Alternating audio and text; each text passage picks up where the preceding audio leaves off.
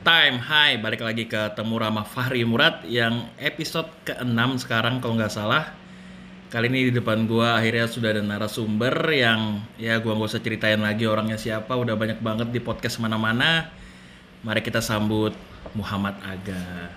Ri, terlalu religius gak sih kalau manggil Muhammad Aga? Lu aja Fahri Murad, padahal lu ada Muhammad Fahri Murad, tapi lu nggak sebut Muhammadnya. Ya, emang lu dikenal Aga apa lagi? Iya, Masa lu mau gua- pakai Aga Borok zaman dulu? Iya. Twitter gue itu Aga. Enggak, maksud gue kayak Aga gitu aja gitu. Oh, Enggak. iya. Nggak, maksudnya biar enak aja. Oh. Kayak Miki gue bilang Mikael Jasin, Oh. Willy Will Sidewalk, Iya Randy sih. Randy Mahesa.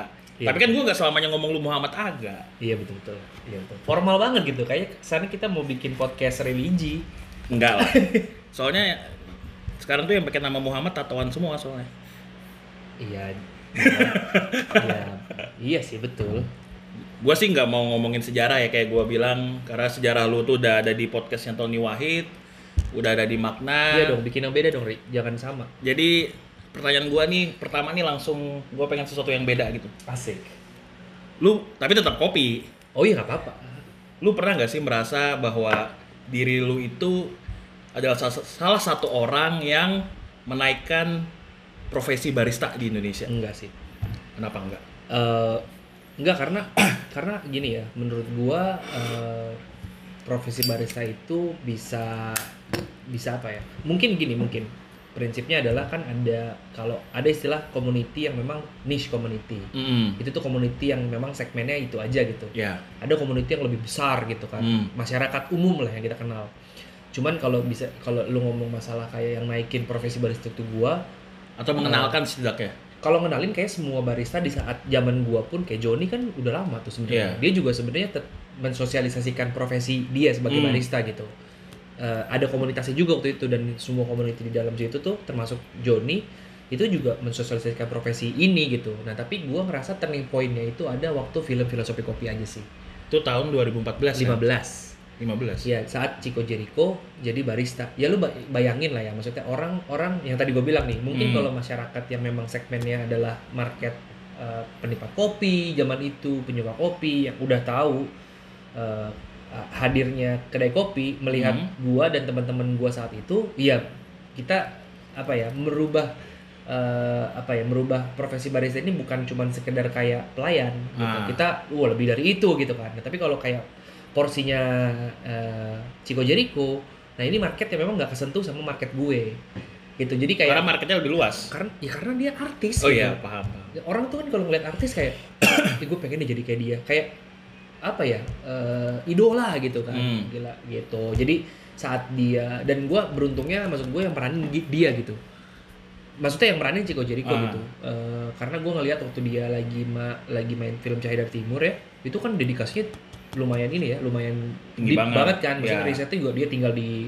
daerah dia mana Maluku ya Maluku. tinggal di Maluku berapa lama buat buat ngedapetin apa buat observasi feel-nya jadi orang Maluku. Eh, jadi orang Maluku. Nah di Filkom juga sama, dia nggak cuman sekedar acting, tapi belajar kopi dulu.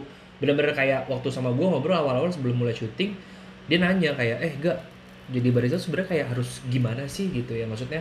Oh gue jelasin tuh mulai ada yang namanya eh, hospitality, teknis dan segala macam. Jadi jadi eh, di di di apa ya di di dalam diri dia tuh di, diterapin kalau gue tuh pengen banget eh, menjadi barista yang memang sebenarnya bukan barista dalam tanda kutip kan beberapa kedai kopi yang chain kan seragaman Iya. dia mau bikin lebih casual paham jadi kayak Paham, lebih paham. lebih casual aja gitu nggak yang Lebih- formal gitu loh Lebih enak dilihat lah ya sama orang umum. iya soalnya kalau gua nih ya perspektif gua sebenarnya sebenarnya sama sama dari uh, perspektif seni karena gua Hmm. tuh kan anak band Ya. sebenarnya Eh, gua melihat kalau profesi ini tuh lu di depan men dihadapkan dengan tamu-tamu atau orang-orang yang mungkin lu belum pernah ketemu sebelumnya Ya ibarat lu senjata terakhir lah di industri kan. Eh, bisa dibilang gitu tapi kalau gue lihat adalah kita tuh frontliner Ah. ibaratkan ya toko lu rame toko lu bisa dapat loyal customer itu pasti lu yang bikin gitu Karena barista. ya karena lu percaya nggak yang namanya first impression Percaya banget. ya kan nah sama aja lu datang ke coffee shop mungkin lu tahu coffee shop itu karena diposting sama blogger. Ah. tapi once lu masuk gitu ya lu kan pasti eh, masuk jeder gitu kan. Lu disapa gitu. Anjir ramah banget ya. Wih keren lagi baristanya gila. Wah gila. maksudnya tampilannya bukan tampilan eh, apa ya tampilan formal gitu. Maksudnya pakai pakai pakai kemeja. Ki- ya kalau kita lihat kok- Kayak di resto lah, fine ya kayak di resto lah ya gitu pelayan gitu Kayak ya. fine dining Eh, lah.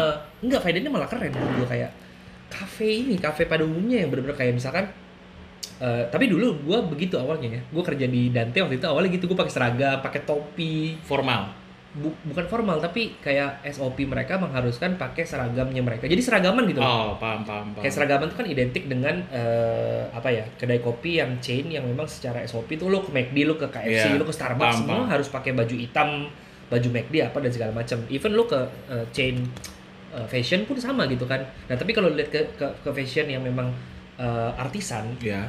ya lo ke Goods Dep deh, Iya. mana ada mereka seragaman. Iya. Style-nya sesuai mereka sendiri. Jadi kayak Goods Dep ini mengadopsi distro-distro eh, di bawah eh, di, di level up gitu.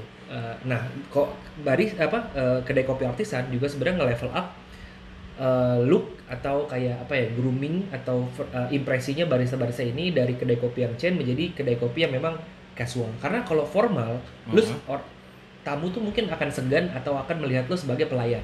Antara dua itu. Paham.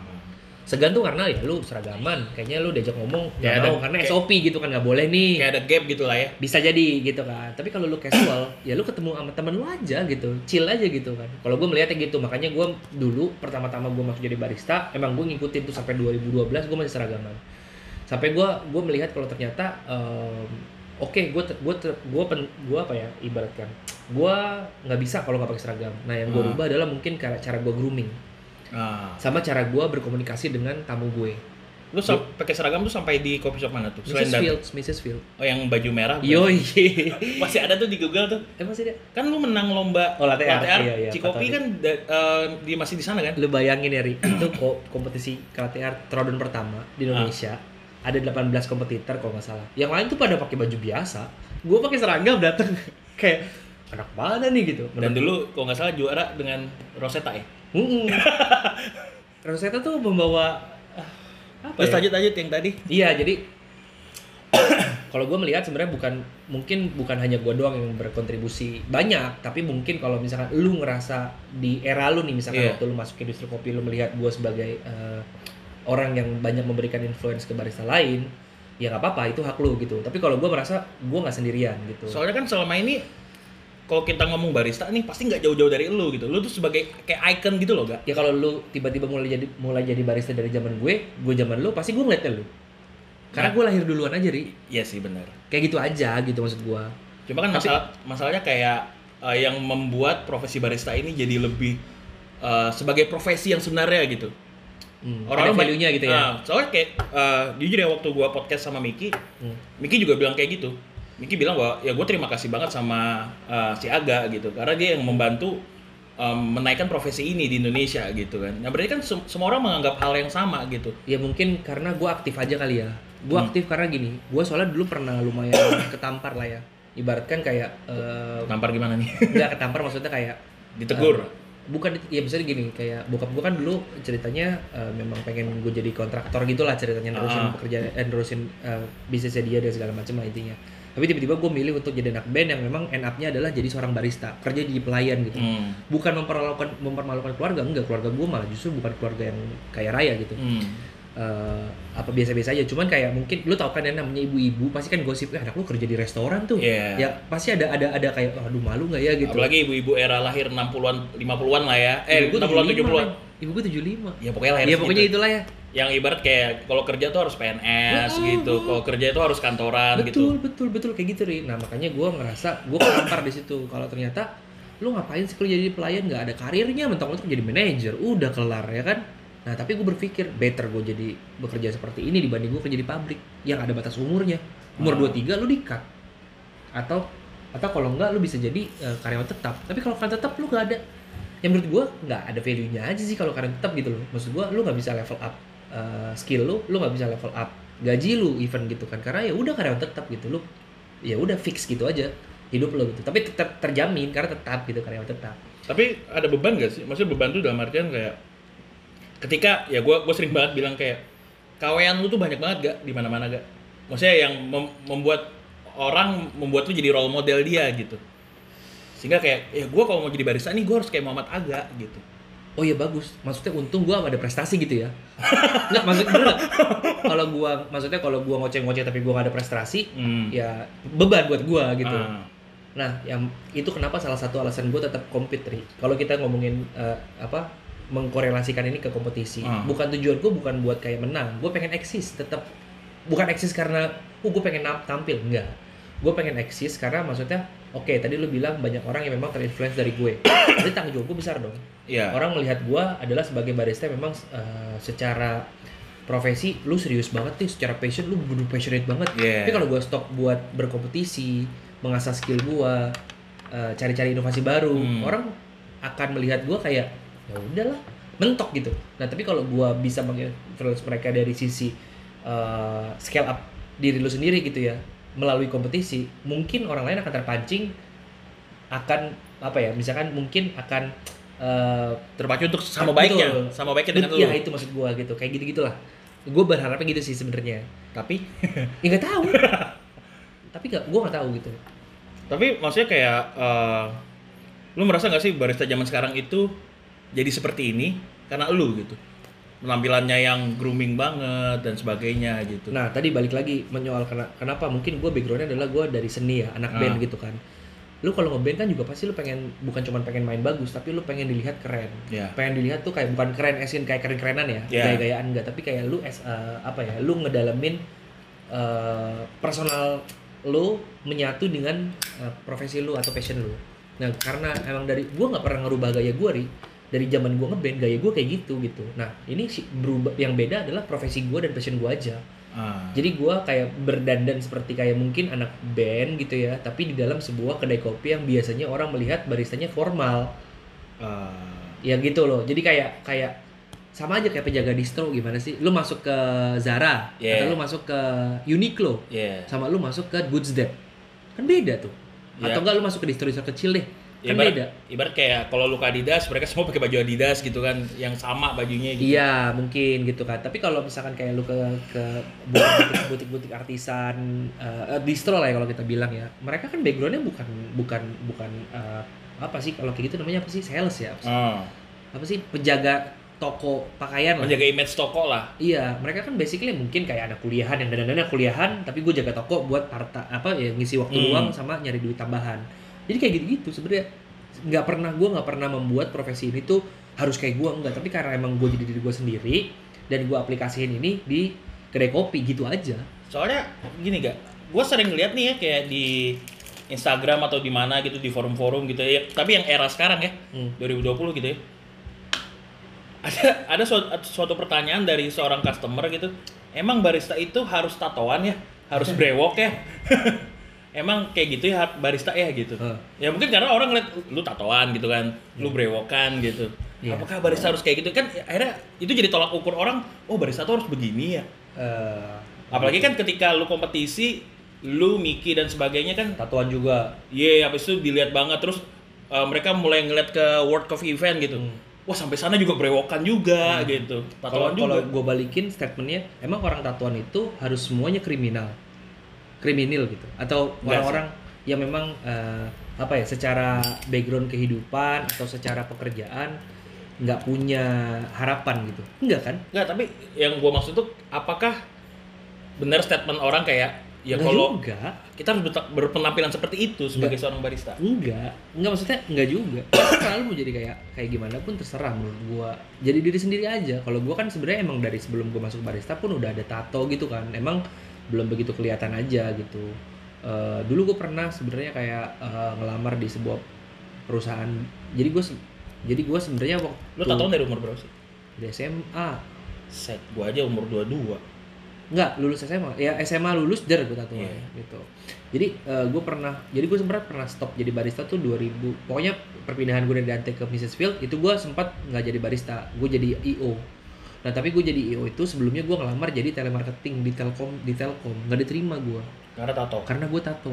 Nah. Nggak jadi waktu gue di interview kan tangan panjang ya diterima. Tapi pas gue masuk gue pakai tangan pendek kayak wah kamu mau tatoan merubah image kita apa segala macam ya mungkin ya namanya juga marketing kan apa di Iya. depan gitu kan Apalagi perusahaan negara ya. iya jadi ya ya udah gue di ya udah diudahin gitu ya udah gue balik gue masuk IO akhirnya apa ya menurut gua eh, ya nggak harus tatoan tapi maksud gue gue balikin kayak tadi emang orang tatoan nggak boleh bekerja di sebuah eh, tempat yang memang eh, apa ya yang memang menurut ya kalau kopi, kalau kopi kedai kopi kan memang terkenal dengan eh, apa ya nua- suasana atau vibes yang memang eh, friendly Tapi coffee shop indie ya, maksudnya artisan ya, artisan. yang nggak artisan juga ya nggak bisa ya emang ada anak Starbucks ada yang tatoan nggak Tapi kan mereka harus nutupin. oh iya gue karena- ya. oh gitu ya Ah. Minimal kayak itu kayak pakai lengan, panjang lah Hmm. gitu kan. ya kayak gitu gitulah sebenarnya nggak juga sih. Ter- tergantung orang menilainya seperti apa sih kayak ya udah kalau emang kalau gue nggak pernah memberikan statement buah itu harus tatoan nggak pernah gue bilang statement kayak gitu tapi cuman karena emang eh, kebanyakan mungkin ya Iya. mungkin mungkin gini kalau misalkan dilihat dari sisi baiknya adalah akhirnya orang yang punya tato sebelumnya mungkin orang Yang yang susah nyari kerja gitu iya pu- ada harapan ternyata dia bisa Ah. kerja di di depan gitu sebagai asal kan gini kan asal lu ramah asal Iya. lu kayak menjalankan SOP tato kan nggak merubah rasa kopi lu jadi nggak enak ri Iya. Tato juga nggak nggak berubah itu terus sih sebenarnya. Iya gitu kan jadi kayak nggak akan ngerubah wah lu tatoan ntar kopi gue nggak enak gitu. Kayak nggak mungkin gitu. Kalau berewokan make sense. Karena waktu itu sempat gue masuk mau ngelamar di coffee shop juga nggak diterima karena gue disuruh cukur berewokan nanti jatuh lah apa dan segala macam. Itu make sense. Higienitas lah ya. Higienitas itu menurut gue make sense. Tapi kan maksud gue nggak semua orang berewokan itu kotor gitu. Iya.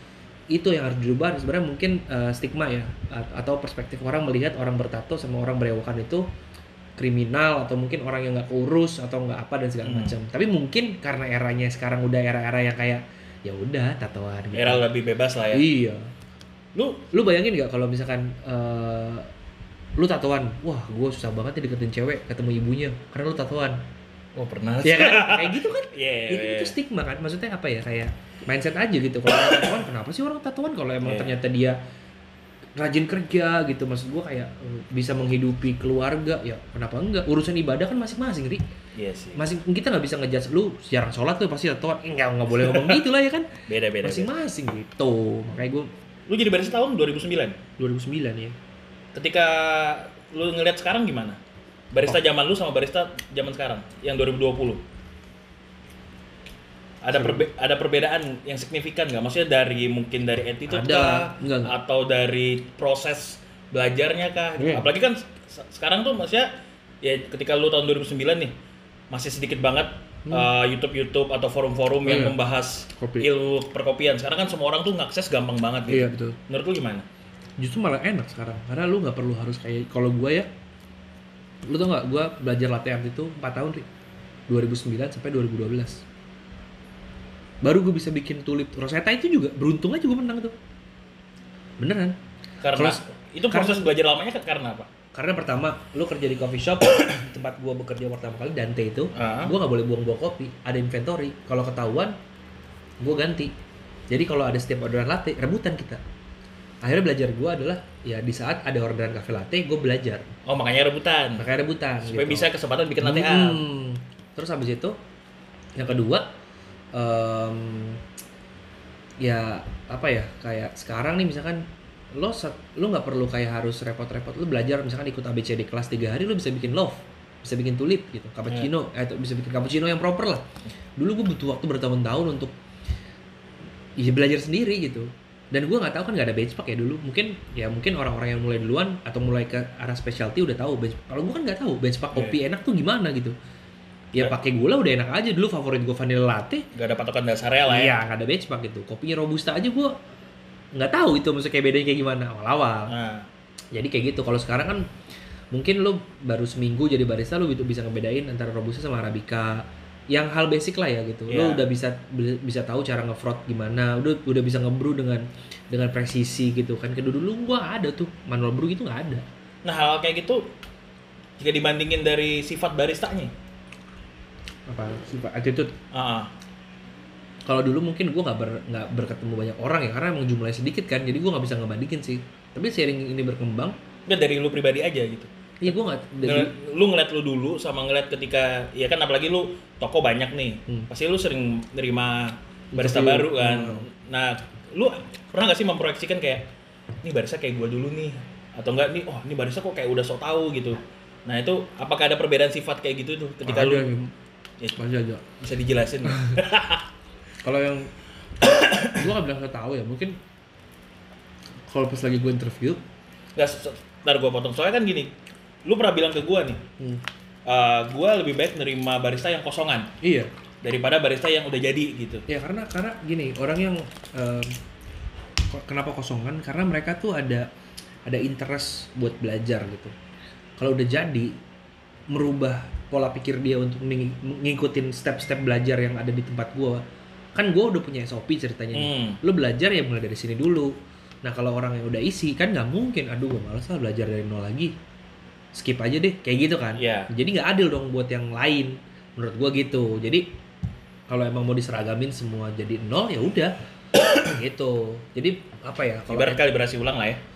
Enggak. gue nggak bisa bilang kalibrasi ulang sih ya menurut gua itu cuman kayak ya lu masuk kerja pasti ada training Atau enggak eh, kecuali lu dibajak ya pengenalan kan- SOP. iya kecuali lu kayak misalkan di di hijack itu kan Ah. beda urusan kalau di hijack kan ya di- lu di hijack karena sebenarnya gua ada interest sama lo Karena lu ada sesuatu kan. lo bisa membantu gua meringankan beban gua di tempat gua gitu Ah, jadi paham. gua nggak perlu harus nge-training lu tapi gua paling cuma nge-brief doang karena lu udah paham tapi kalau lu ngelamar lu gua ngelamar kerja misalkan kayak gini. Gua udah jago bikin kopi deh gua ngelamar kerja misalkan di mana. Tetap ada proses trainingnya juga. Iya. nggak mungkin nggak ada dan lu nggak boleh skip itu. Kenapa? Karena itu proses lu justru apa ya bersosialisasi sama teman kerja lu. Ngobrol ngebangun suasana Hmm. ngebangun teamworknya gimana gitu kan. Kayak ngebangun vibes aja lu bekerja. Karena lu kerja bukan cuman kayak bikin eh, bukan bikin produk menjalankan SOP tapi lu juga harus jaga jaga attitude lu sama teman-teman lu gitu loh. Ngerti gak sih karena lu kerja tiba-tiba lu kerja dengan orang yang nggak lu su- bukan nggak lu suka atau lu kayak Gak cocok. nggak cocok kan lu nggak nyaman ya jadi Iya. kerja lu nggak enak akhirnya suasananya juga nggak enak juga gitu poinnya sebenarnya kayak gimana caranya bisa nyatuin kepala yang beda-beda ini menjadi kepala yang memang sebenarnya visi misinya sama kalau orang yang udah ada isi itu pasti visi misinya beda dia punya aim sendiri nih Iya. punya goal sendiri gitu tapi kalau misalkan ada orang kos- kosong bukan masalahnya kita memanfaatkan orang yang kosong ya Iya. tapi justru lu masuk lu lebih mudah mendirect mereka untuk mengikuti uh, pola-pola uh, yang ada di tempat lo pola Mengarah, trainingnya mengarahkan sesuai dengan yang, yang toko lu ya. iya gitu jadi lu lega gitu kalau ternyata mereka sudah dari mulai zero tuh udah bisa let's say udah bisa handle sendiri lu kayak anjir ada progres dan lu Iya. lega gitu gue lebih baik kayak gitu dibanding gue ngambil orang gue tinggal besoknya gitu Tapi kalau itu yang sifat belum kejawab tuh. Sifat barista sekarang sama ketika lu awal.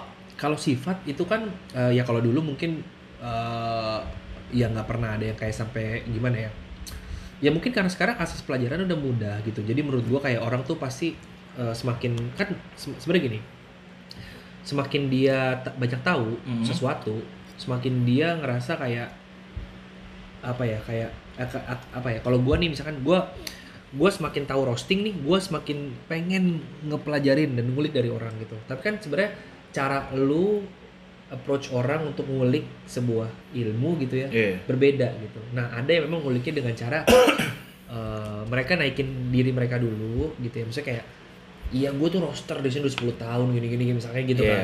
Ada yang kayak gitu tapi ada yang kayak ya pura-pura bego padahal dia tahu. Ada ada maksudnya pura-pura nggak tahu gitu ya tapi dia tahu ngetes doang terus pas udah dijawab anjing salah tuh pertanyaan jawabannya. Kan ada kayak gitu ya? Hmm. ada kan sifat orang. Tapi ada yang bener-bener kayak pengen nanya beneran gitu.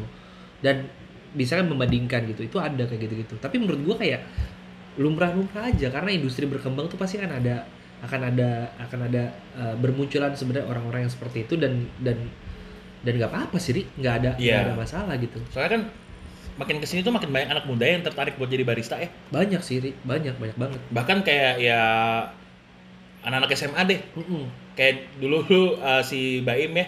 iya iya Di- dia uh, lagi libur sekolah nih. mainnya ke coffee shop Akhirnya enggak malah jadi part time lu kan. oh iya dulu dulu ya Ah. Nah, kayak gitu lu menyikapinya gimana tuh? Mereka-mereka yang uh, cuma pengen tahu lah ibarat kayak gitu. Menurut gue sih sebenarnya kayak justru justru eh, masa-masa kayak gitu tuh gue malah seneng gitu. Karena karena gini ya lu nggak pernah ada lu nggak pernah berpikir waktu awal gue pernah jadi barista gue deh Hmm. gue deh contohnya gue nggak pernah berpikir waktu awal gue jadi barista eh, karirnya ada gitu loh. Paham gak yang tadi mungkin nyokap gue bilang ya kayak ngapain sih mentok jadi manajer? Tapi lu sempat kepikiran kayak gitu sempat lah gila mentok jadi manajer paling nih supervisor iya juga ya betul Berarti lu sempat gak yakin kerja sebagai seorang barista? nggak yakin emang awal-awal nyari duit doang gue nggak ngelihat ada ada karir gitu Ah. cuman gue baru mulai yakin pas gue mulai ikut kompetisi Kenapa di kompetisi? Ada apa di sana? ada panggung aja gitu maksudnya gini waktu gua waktu gua ngeband semakin banyak lo dikasih panggung semakin eh, semakin apa ya semakin banyak orang tahu lo semakin eh, canggih lo bermain gitu ya. Iya. semakin semakin juga lo dapet koneksi gitu. Kan sama band indie sama aja kayak lo jadi apa eh, ngelamar pekerjaan apa kalau kita bisa bilang barista deh ya. Ah. main dari panggung kecil panggung kecil gig gig gig tiba-tiba ada produser nonton wih lu gua produserin deh. Naik jadi gede gede gede gede. Kayak gitu kan? Oh, berarti kayak ibarat kalau di kopi trodon nih, trodon, trodon, trodon. bisa Akhir- dilihat orang Akhirnya orang ikut di, hijack ya kan ikut ice Iya. bisa di hijack berkembang belajar ini itu segala macam lama-lama udah Itu fair. itu fair menurut gua itu itu ya ya semua industri kayak gitu gak sih gitu Iya. kayak ya kayak gini misalkan kayak dulu kan kalau lu tahu band itu ada dream band namanya Ah. ajang pencarian bakat gitu oh, iya, dari mana Itu terkenal banget itu. Iya kan, Ah. makanya ada kotak tuh Iya. kan, ada dream band itu kan. Lulusan di itu kan. Iya lulusan dream band gitu kan. Nah jadi menurut gua kayak kompetisi itu adalah sebenarnya bukan ajang lo cuman eh, jago-jagoan gitu, Hmm. tapi ajang lo untuk bisa lo membangun eh, apa ya, melihat sebenarnya potensi karir lo ada nggak sih di sini gitu. Dari mulai kayak kira-kira gue bisa nggak sih ngebangun network dari berkompetisi. Ah. Jadi jangan mikirin cuman gua kalah nih. Lu kalah oke lah kayak gua nih misalkan di Ah. Amsterdam, oke gua kalah jelas, tapi networkku jadi luas banget. Jadi kayak banyak banget gua kenal orang-orang luar yang ternyata opportunity buat gua gitu loh. Maksudnya jadi kesempatan buat gua untuk kayak misalkan let's say uh, uh, apa ya? dapat bins baru Iya gitu. misalkan itulah Kenalin- ngobrol apa ini, iya gitu. betul itulah segala macam banyak banget lah yang gue pelajari walaupun gua kalah sama gitu kan jadi ada ada menurut gua kayak setiap hal yang lo ikuti tuh jangan cuman ambil uh, sebuah uh, apa ya advantage Ah. tapi lo ambil juga sebuah hikmah ya gitu. Anjay. dari bahasa Inggris ke bahasa Arab Nah ini kan kar- karena lu bahas kompetisi nih. Eh, kan sekarang tuh kayak kompetisi itu gua nggak tahu ya kompetisi zaman dulu ya kan gua gua baru Ya. tahu kompetisi tahun 2000 Zaman dulu sama aja, Ri. enggak eh, yang gue pengen tanya kan dulu tuh yang ikut kompetisi kan rata-rata barista ya barista semua yang benar-benar ke- bekerja di industri itu gitu Ada bartender juga, ada, ada. nah bartender ya ibarat dalam industri F&B juga iya, ya iya, iya, iya. nah terus kayak contoh contoh paling gampang gue deh Ah. gue nih bukan orang yang bekerja di industri, di industri itu gitu tiba-tiba gue ikut kompetisi tanggapan lu gimana nggak apa-apa sih. Kan kan kan di di kompetisi itu kan ada persyaratan ya. Selama lu bisa maksudnya ada apa ya kayak lu bersyarat gitu ya Mm. ya gak apa-apa sih. Maksudnya yang, yang lu tanya adalah eh, ya yang lu tanya tuh mungkin kayak kesempatan buat orang-orang yang bukan kerja di kopi bisa berkompetisi gitu. Mm. justru malah malah menurut gua em, unik aja sih di saat di saat orang-orang yang memang nggak nggak nggak bekerja di dalam sebuah industri tiba-tiba lu ikut berkompetisi itu unik sih sebenarnya sama aja kayak eh, apa ya eh ya sama gue balikin lagi ke ke ke band deh gitu ya Mm. Eh, sama aja kayak kayak misalkan let's say eh, kru kru band ini kan sebenarnya dia memang eh, bekerja kan sebagai kru gitu ya industrinya tapi dia dia dia tuh kayak bisa punya musik juga iya kan? bisa Mm. bisa Mm. Yang lebih jago justru malah krunya dibanding anak bandnya gitu. Karena Ya, mereka lebih paham. Iya kayak gitu kan. Jadi sama aja kayak misalkan gini bukan berarti orang-orang yang suka kopi tapi nggak bekerja di dalam kopi sebagai Hmm. personil gitu Iya. nggak lebih jago daripada orang yang di dalam jadi personil gitu. Jadi menurut gua kayak itu itu udah menjadi apa ya menjadi sebuah eh, ya gerakan aja sih. Ya memang industri yang berkembang pasti ada orang-orang kayak gitu gitu. Hmm. kayak em, kayak gue tuh Iya nggak apa-apa. Kayak contoh misalkan temen gue jago gambar, tapi dia bukan dari lulusan eh, desain grafis, bukan dari lulusan seni rupa, tapi dia lulusan misalkan lulusan apa ya? Temen gue tuh elektro malah, Mm. jago gambar. Apakah dia harus masuk ke dalam eh, sekolah di- gambar dulu baru dia bisa gambar? Enggak kan itu bakat kan? Itu itu bakat gitu, bakat Iya. bisa dari mana aja gitu. Kayak lo misalkan ba- bakat tuh mungkin di, di brewing gitu Mm. walaupun lu nggak kerja di industri kopi tapi ternyata lu ada bakat di situ nah menurut gua sah-sah aja saat lo ngomongin oh gua ba- ada bakat nih ternyata di sini gitu. Mungkin bakat lo bukan teknisnya tapi cara ngomong lo Iya. atau presentasi lo itu kan bakat nih kayak gitu-gitu. Jadi kalau gua ngelihat kayak ya meluas aja sih gitu. Makin challenging aja. Kalau emang sebenarnya secara eh, batas lo harus bekerja dulu. Nggak nggak apa-apa juga gitu. Apalagi sekarang kalau di Indonesia kan lu harus berasosiasi dulu. Ya jadi member. Tapi kan member tuh ada individu ada perusahaan. Ah. Jadi kalau selama lu masih dalam uh, kategori memenuhi syarat lumrah-lumrah aja gitu. Terbuka lah ya buat umum ya. Pasti terbuka gitu. Banyak kan sekarang ya homebrewers ya. Kalau dulu mah nggak ada sama sekali karena mungkin melihat kompetisi ini bukan sebuah ajang yang memang kayak eh, bisa diakses semua orang. Karena pertama minimal lu harus paham kopi dulu. Hmm. dulu kan akses aksesnya nggak terbuka sekarang. Iya. lu belajar kopi gimana tuh? 2013 lu belajar kopi minimal lu harus eh, masuk kerja dulu supaya lu bisa pegang mesin Iya. atau bi- bisa tahu soal kopi gitu kan. Kalau dulu nggak ada brewers kan jadi barista tuh rata-rata. Nah eh, terus yang kedua uang kan. Kalau lu nggak disupport lu bisa gimana caranya lu bisa mempersiapkan itu semua. Kalau sekarang kan mungkin udah banyak apa ya eh, orang-orang yang memang suka sama kopi mereka akhirnya eh, punya bar sendiri di rumah gitu kan. Ya beribarat mereka udah berduit terus tertarik sama kopi gitu kan. gitu. Jadi sah-sah aja gitu. Apalagi udah ada kalau brewers mungkin beda lah ya kayak lu bisa latihan di mana aja gitu kan. Ya, lu lebih fleksibel kan lebih alatnya. fleksibel gitu. Jadi eh, mungkin porsinya homebrewers atau porsinya orang yang nggak kerja di industri kopi tapi ikut kompetisi porsinya banyak di brewers pasti. Iya. nggak mungkin di latean iya sih bener ya kan? Nggak mungkin di latihan rata-rata barista mungkin di barista mungkin. Tapi Iya. mungkin porsinya akan jauh lebih banyak brewers atau cup testers yang memang secara efisiensi dia latihan nggak perlu harus coffee shop dia bisa di rumah. Tapi Nggak apa-apalah kompetisi sekarang sama dulu lebih sengit mana? Lebih, sengit eh, apanya nih? Lebih keras mana ininya? Apa nih? Atmosfer lomba ini? Eh lebih sengit sekarang sih kayaknya. Kenapa? Dulu tuh sebenarnya kalau secara jumlah peserta banyak banget ri. 2013 ya itu di Jakarta aja regional Jakarta ada 75 orang Jakarta doang. Berarti lebih sengit sekarang eh lebih sengit dulu dong. Iya tapi kan kalau secara skill nih kalau kita bicara skill nih iya. mungkin kalau change ya mungkin lebih sengit Eh, eh sama aja sih justru change malah jauh lebih susah sekarang. Karena ya itu kan eh, orang udah tahu ternyata kopi-kopi yang memang eh, kualitasnya bagus dan dan dan eh, mahal gitu Iya. itu bisa punya chance untuk lu menang. Itu make sense gitu sama aja kayak lu balapan iya ya kan lu pakai brand yang udah terjamin ya lu pakai Ferrari gitu Iya, udah terjamin dipakai Michael Schumacher terusan gitu kan Iya. pasti menang gitu kan gitu. Kayak gitu-gitu lah. Maksudnya ada chance untuk menang gitu. Karena karena uh, tools yang lu pakai tuh udah tools juara gitu. Ditambah lu effortnya lu jadi effortless saja gitu. Ah. Tapi itu persip orang. Kalau buat gua uh, tools itu kan sebenarnya harus nyatu sama ya mobil itu harus nyatu sama drivernya. Iya. Lu pakai mobil mahal tapi kalau lu nggak ada feel, tetap aja lu bakal kalah sama mobil biasa tapi feel banget nih. Kayak filmnya inilah, film apa sih eh, yang VW menang tiba-tiba tuh? yang mana Ada film-film tapi eh, VW ngelah balap gitu loh. Eh, anjir gue lupa. ya itulah pokoknya lah Herbie, Herbie. oh Herbie ya, yang Ya kan? ini yang PW lama Iya. garis biru merah kan Iya, itu kan VW, Ri. Lo coba secara imajinasi masuk akal nggak VW menang lawan mobil-mobil NASCAR kayak gitu? iya sih nggak mungkin kan tapi tapi nyatu dia gitu. Menurut gua di kompetisi sama. Semua kompetisi pasti kayak gitu. Lu harus nyatu sama tools. Lu mau pakai kopi semahal apa pun kalau lu nggak paham dan lu nggak nyatu sama kopi lu dai lu pasti kalah sama orang yang biasa-biasa aja sama nyatu sama kopinya. Kayak dia ngomong gitu loh. Iya. Gitu. Itu kalau kompetisi dulu mungkin banyak orang yang kayak gitu. Yang nggak melihat karena kopi mahal. Tapi Ah. mereka mereka tuh lebih nyatu semua sama kopinya gitu loh. Kalau sekarang? Kalau sekarang justru banyak kopi mahal, banyak yang nggak nyatu juga. Makanya lu tahu, lu pernah lihat kan mungkin ada kopi mahal tapi nggak nggak menang gitu, nggak di posisi bagus lah. iya Ada kan? Ada kan? Eh, kalau gue bilang sih contoh paling gampang buat tahun ini ya Lu tahu tuh, lah kan lu nggak pakai kopi mahal.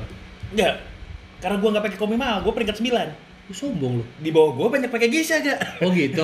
Nah, ya mungkin kayak gitulah ya. Ah. Nah, mungkin dia pakai geisha karena emang sebenarnya eh, masih secara- beranggapan bahwa secara ya secara anggapan wah geisha nih chance gue menang tinggi. Iya. tapi kan kalau lu nggak nyatu sama geishanya lu nggak ngulik geishanya ya sama Iya. aja buat apa lu pakai geisha kalau lu nggak ngefeel? Lah gue pakai kopi Indonesia 2018 tapi kalau menurut lo orang-orang yang kayak gitu gimana? Maksudnya yang beranggapan bahwa ah yang penting gue pakai eh, alat mahal nih gue pakai kopi mahal nih gue pasti menang nih ya nggak usah compete lah tapi dia nggak ada buang-buang waktu tapi dia nggak ada effort lebih di latihan ya lah nggak atau usah compete buang-buang waktu buang-buang duit menurut gua mending slotnya kasih yang lebih Mending, nah, mendingan slotnya kasih buat orang yang mau, yang bener-bener kayak pengen gitu. Jadi menurut gua kompetisi itu harus dimahalin, Rick. kenapa Karena biar dimahalin apanya dulu nih pendaftarannya kan pendaftarannya dibikin ribet gitu. Karena biar ke filter. biar yang benar-benar serius ya Iyalah. soalnya nggak tahu sih ya habis cara ngefilter gimana kalau misalkan kayak let's Iya. say bayar satu juta mampu lah orang bayar satu juta Ya ibarat ada seribu orang mampu buat Nah, bayar. iya kan kalau kemarin coba bayar 15 juta eh kapan sih yang bayar mahal ingat nggak yang tiba-tiba disuruh bayar eh, mahal eh enggak ya Oh itu bayar mahal kalau lu mau dapat Oh, slot iya. langsung. Slot langsung ya Tapi ya itu menurut lu buat orang yang cuma bermodalkan alat-alat mahal kopi-kopi mahal mending gak usah compete.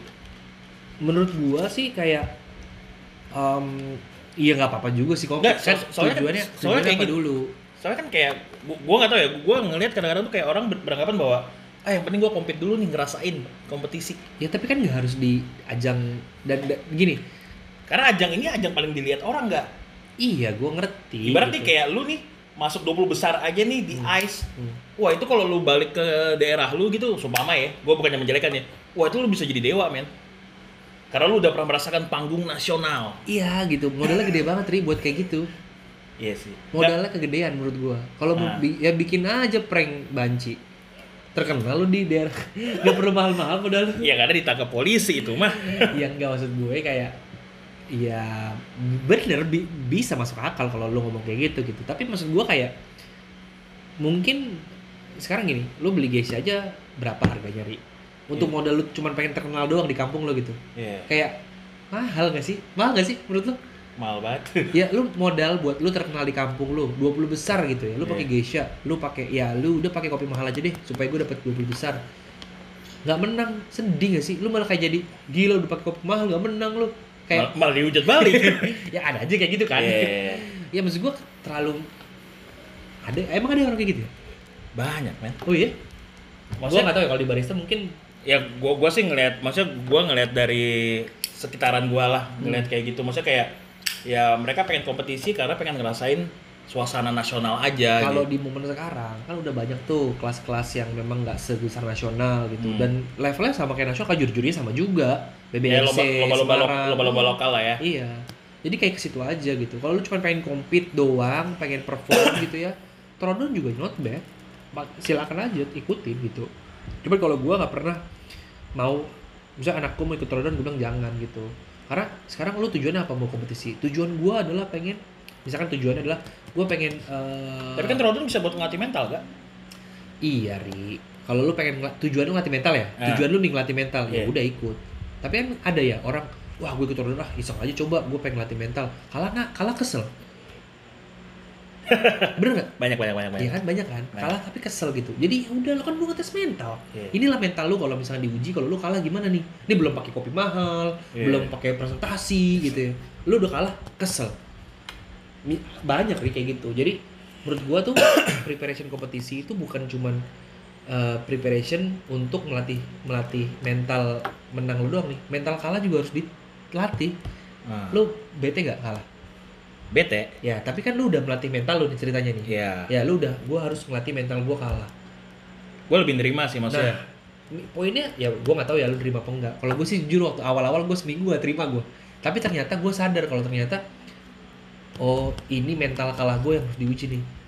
Jadi prinsip gue adalah lu mau compete, lu harus siap kalah. nah, Ya sama aja kayak tentara, lu mau perang, siap lu mati siap mati. Iya. Bener nggak? Ya urusan kalah kalah menang belakangan. Yang penting mental lu kalah udah harus ditanam tuh. Udah ditanam tuh, ditanam aja tuh. soalnya kalau kalau gua kalau gua kan ya ketika gue ikut IBRC pertama gue langsung dapat panggung tuh Oh. juara tiga kan kemudian di nasional gue peringkat 8 gitu Emang lu iya? Hmm? Bisip IBC, IBRC juara tiga nih. kan di regional barat Oh regional. Oh Ya, iya iya. kan lu ya waktu yang pas mbak Resi manggil gue eh nama lu itu gue masih kaget anjing gue masuk final gitu Oh iya. iya. kan Itu udah berapa sih? 18 per- yang ketika gue pertama kali yang lu juara Oh iya emang ada lu ya? kan gue pakai kopi sisa lu pak Oh iya iya bener, bener. kan lu yang bantuin gue Iya lupa lupa gue. kan Kan sisa gue. i- itu kan IBRC 5 bulan setelah lu dari Amsterdam Oh iya betul. Tapi gue nggak inget kalau karena gue mungkin pas kompetisi regional gue sibuk sendiri kali ya. kan itu lu pertama kali menang tuh pertama kali regional ya ada Iya. regional kan 2017 tuh nggak compete soalnya Enggak. lu panitia Enggak. terus lu menang regional Barat. barat kan Ah, ah, ah. terus lu juara yang di Bali itu Iya iya iya. iya. tuh pas lu juara pakai kopi lokal bangga nggak Hmm, bangga sih. Ya bangga. Tapi bu- bu- bukan bangga karena gue pakai kopi lokalnya ya. Gue bangga karena gue menang aja. Karena itu yang lu tunggu-tunggu. Enggak, karena maksudnya kayak hard work paid off aja. Maksudnya eh, definisi hard work paid off aja gitu. Kayak maksud gua eh gua pun nggak juara, juara dua pun gua maksudnya udah banyak apa ya, memberikan eh, kontribusi ke orang gitu. Ya tadi lu bilang kan, Nah, emang orang-orang yang ngelihat gue sebagai barista yang eh, apa ya Role model ya role model it- emang baru pas 2018 enggak kan? Sebelum sebelumnya udah kan berarti Iya. kan? Kan sebelumnya gue pernah juara juara dua gue iya sih lu always runner up.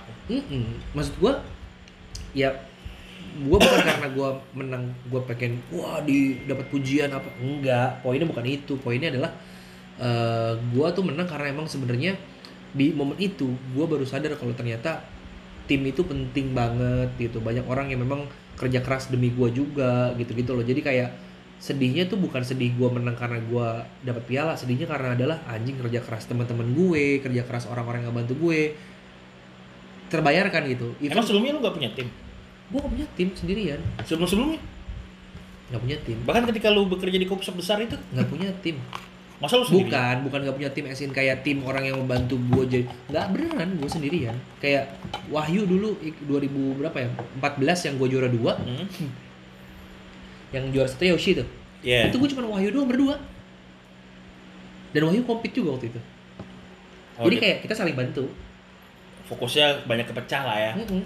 Pas 2018 lu betul-betul punya tim yang support lu banget. ya karena gue gue ngelihat di WBC 2017 kebetulan gue ke Korea Seoul, ya. gue jadi volunteer Mm-mm, gue sama. ngeliat di belakang kayak gokil nih orangnya maksudnya ya udah a- apa atletnya fokus aja Ngeba- ngebangun eh, apa ya ngebangun suasana dia mau mau ya sama kayak gini lah sama kayak tadi balik lagi anak band nih Iya. krunya jalan dulu Ah. anak bandnya terakhir dulu pas udah mulai yuk masuk yuk jeder gitu loh kayak gitu Ibarat eh, lu sebagai atlet fokus perform. fokus perform gitu. Jadi barang-barang lu percayain sama orang lu cuma tinggal ngecek aja gitu. Dan itu beneran dan itu beneran menurut gua penting.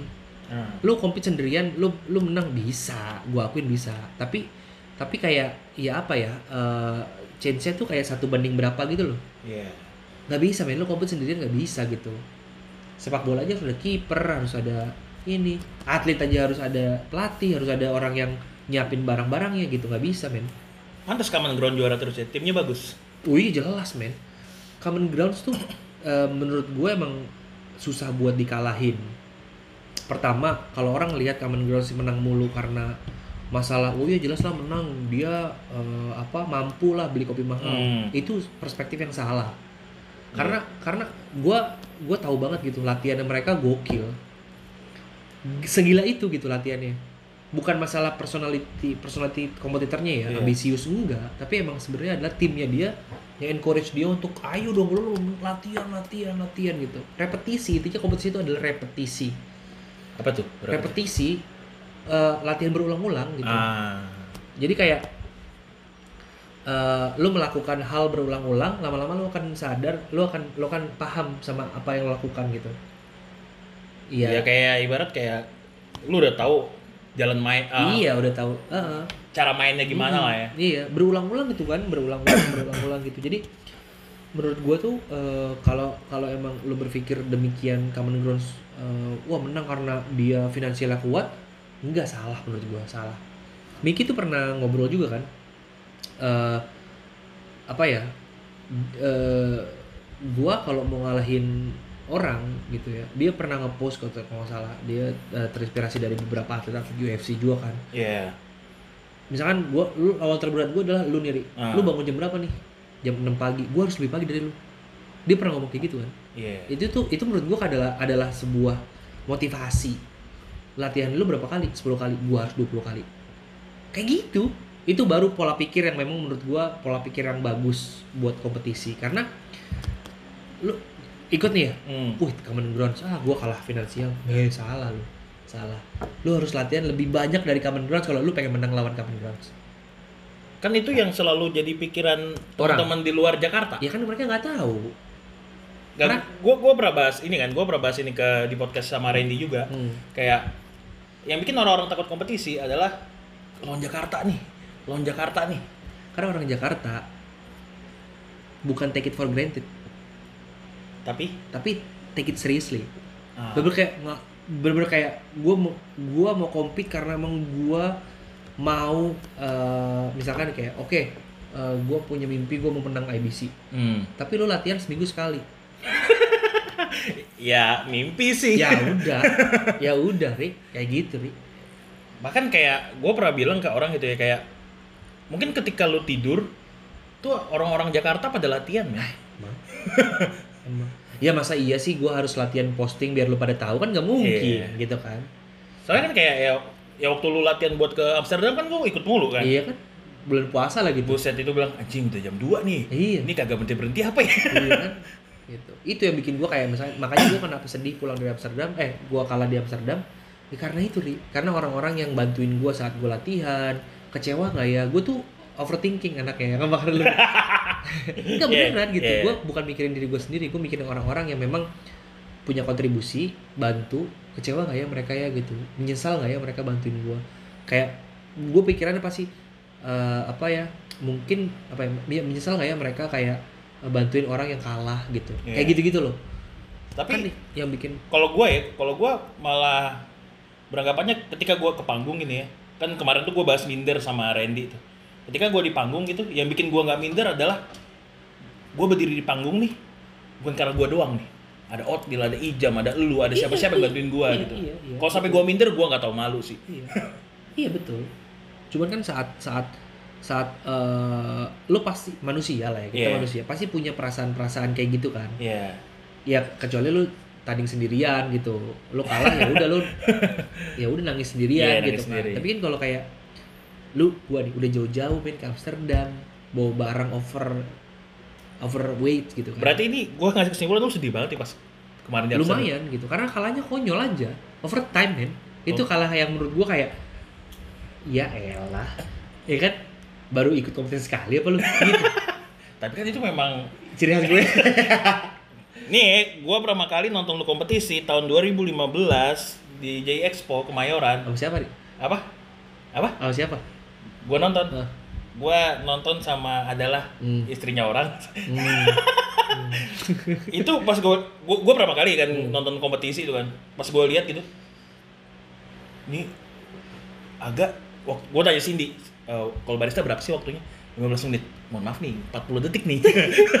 Terus dia balik badan nih ngebelakangin timer nih. Gimana dia ngeliat itu? itu kejadian gue di Amsterdam kayak gitu gue ngebelakin timer Lu ngulangin kesalahan 3 betul tahun lalu. betul emang Ya itu gitu emang emang bodoh gue ngerasa gue salah gitu makanya gue bilang kenapa gue kecewa karena gue melakukan kesalahan yang sama Ah. saat itu kecuali gue salahnya beda gitu tapi tapi ya udah Tapi gitu. ketika lu yang pas Miki juara, lu kalah, lu sedih nggak? enggak Kenapa? enggak sedih gue karena emang ya Gue yang sedih sih.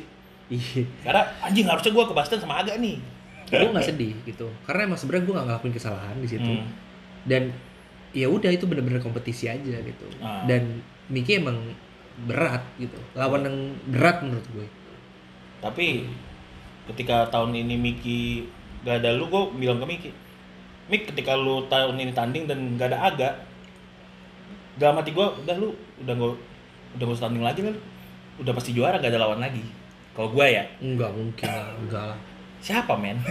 enggak lah banyak nih gila lu ya gue nggak mengecilkan teman gue Raymond ya tapi berat Miki tuh masih powerful banget gitu. Iya karena karena itu tadi ri. Ya tahu keras kan sih. latihannya Miki kan? Iya, paham gue Iya. Nggak? gue dia nah. di Boston aja gue masih tidur dia udah bangun anjing. Nah. Coba mungkin siap mau ngalahin Miki bisa? Harus lebih banyak latihan dari dia. Iya benar kan simple gitu kan. Ya kalau ngomongin masalah kayak performance ya itu udah urusan masing-masing tapi kalau lu masih ngomongin masalah effort gitu masalah usaha lu lu belum usaha sampai maksimal gitu Hmm. ya lu ngerasa lu kalah sama Miki atau lu Hmm. ngerasa kalah sama gue ya ngapain gitu Iya sih. lu belum latihan semaksimal itu tapi kalau lu udah latihan semaksimal itu kayak gue nih misalnya Hmm. 2019 gue latihan maksimal aja der gue kalah sama Miki gue gak sedih karena menurut gue kayak ya udah gue deserve gue layak juara dua karena latihan dia lebih berat Iya. ya udah gitu ini kompetisi men gitu dan tadi kan lu ngomong perform nih Mm. Inspirasi perform lu dari mana kan soalnya orang-orang tahu kalau ketika lu presentasi nih Hmm. lu tuh entertain banget gak gitu gue selalu ngomong kayak gini kayak kalau lu mau ngeliat presentasi yang casual yang enak yang eh, entertaining banget, lu nonton nonton agak. Kalau mau kalau lu mau ngeliat yang elegan, Hmm. rapi, Hmm. lu nonton Yoshi. Hmm, Yoshi. Nah, kalau lu inspirasi lu dari mana tuh? Yang sampai lu tuh kayak entertain banget, terus lu pakaian lu yang begitu gitu kan? Soalnya kan Ah. rata-rata kalau kompetisi tuh, gua nggak tahu ya. Kalau gua lihat barisan tuh kayaknya rapi-rapi banget gitu. Tapi ketika, ketika lu baju warna pink lah, Ah. apalah gitu. Itu itu yang tadi gua itu mungkin nyambung sama per- apa eh, obrolan kita di awal ya. Ah. First impression Ah, gitu. Menurut gua em, juri ini kan juri ini kan kayak bakal menilai orang nggak cuma satu, banyak. yeah. Nah juri ini tuh sebenarnya cuman dia tuh mindsetnya dia adalah kayak gua bakal inget orang Kalau dia menarik. kalau dia unik, Ah, kalau dia tuh kayak ya gampang diinget aja. yeah. Jadi caranya untuk memberikan impresi itu adalah dengan cara ya mungkin Memorable lah ya. iya mungkin kayak misalkan gini eh, waktu gua pas lagi di briefing kan udah ceritanya udah di WBC tuh udah seri preparation, gua Yeah. dipanggil head judge kan Yeah. mau mau main ya. Yeah. Head judge tuh ngomong sama gua gini, "Gak, I like your shirt." Ah, Dia nggak ngomong kayak dia nggak kenal gue loh. yeah. Cuma dia I like your shirt. Pas malam-malam eh, pas malam after party dia inget gue. Hey, ini Syaga weh. Karena gue pakai baju pink gitu. Bukan Iya. gue bukan pakai baju pink bukan karena bukan karena gue gue pengen dia tuh inget gue Ah, gitu. Nah, jadi kenapa kayak gitu? One, jadi mereka tuh udah punya mindset kalau kayak oh, gua first impresinya sama dia keren ya dia. Maksudnya dia tuh kayak wah dia eh, beda dari yang lain gitu. Jadi yeah. sugestinya berpikir kalau wah ini berbeda nih sama yang lain performance gitu. Makanya gua selalu menampilkan eh, alat apa alat bantu alat bantu ini bukannya gue meremehkan juri-juri nggak ngerti apa apa yang gue omongin ya tapi ini memudahkan dia untuk mengingat gue siapa Ah, memindahkan dia untuk mengingat oh cara gue menilai lo adalah dengan oh lu udah udah bikin gue mudah nih nilai masa sih gue nggak kasih gede ah, paham. gitu gitulah jadi Tapi kalau gaya bicara, oh kalau gaya bicara gue dulu pernah eh, jadi penyiar radio eh, ilegal ah ini kayaknya gua pernah denger ceritanya dari Romi nih.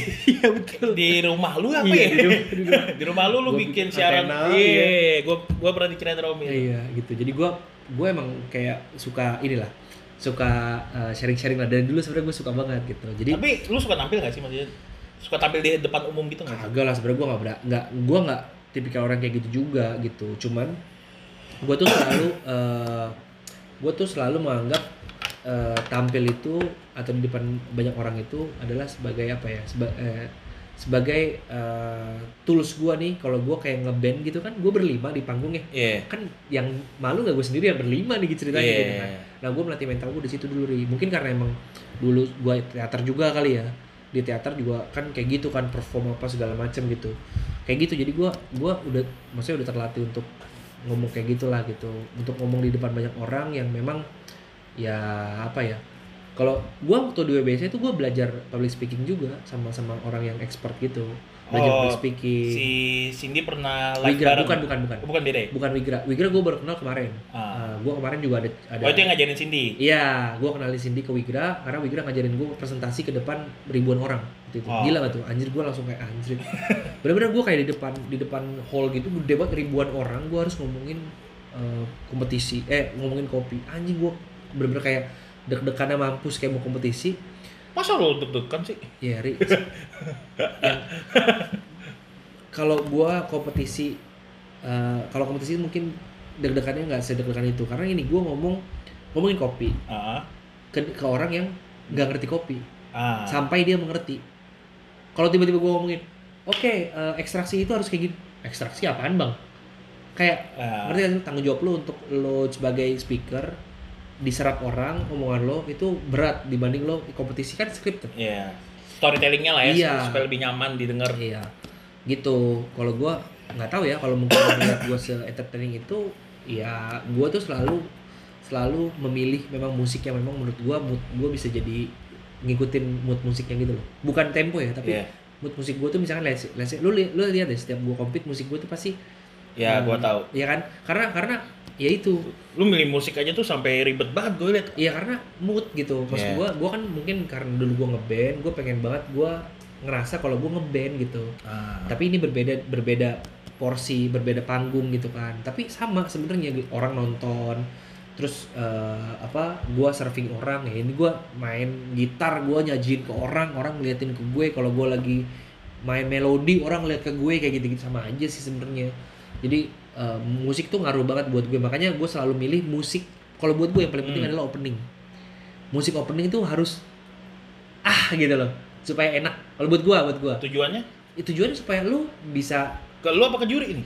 ke ke, ke semua ke musik musik gua ke, ke semua ke perform gua Ah.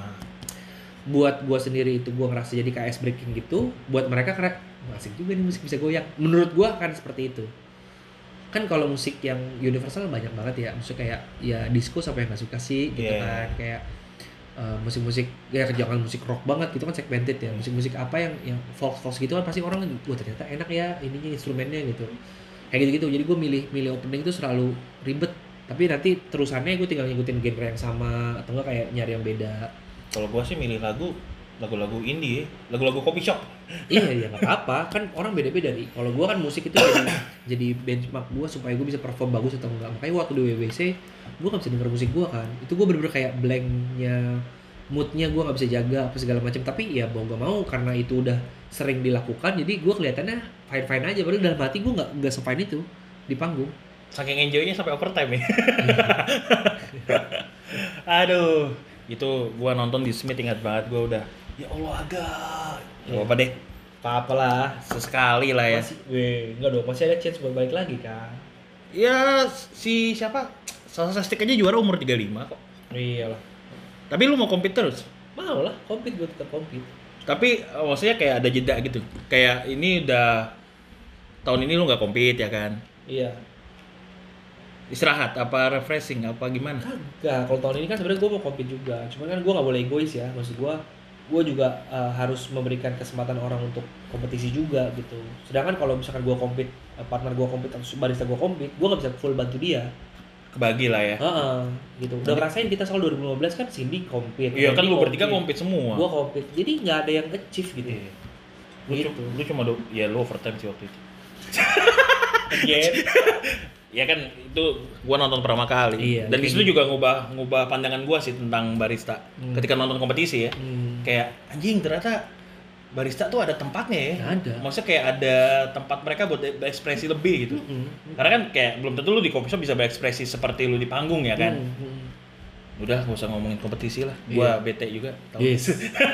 kan masih ada waktu. Iya, siap. masih muda. Lu masih di umur 25 kan? 28 kita beda setahun doang. Oh iya. Enggak, gue 27 lah berarti.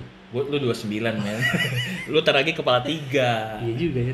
Randy aja udah kepala tiga. Iya, Randy udah 30 ya. Tapi kalau ngomongin customer nih gak? Hmm. Customer dulu sama sekarang beda nggak? Beda sih lumayan beda lah. Sekarang lebih gimana? Kalau dulu tuh lebih gimana customernya? Ah, apa gue customer dulu tuh dulu tuh tahun berapa 2013 customer gue tuh Cindy Randy tuh customer gue dulu. Maksudnya tipikal customer ya, sifat-sifat customernya.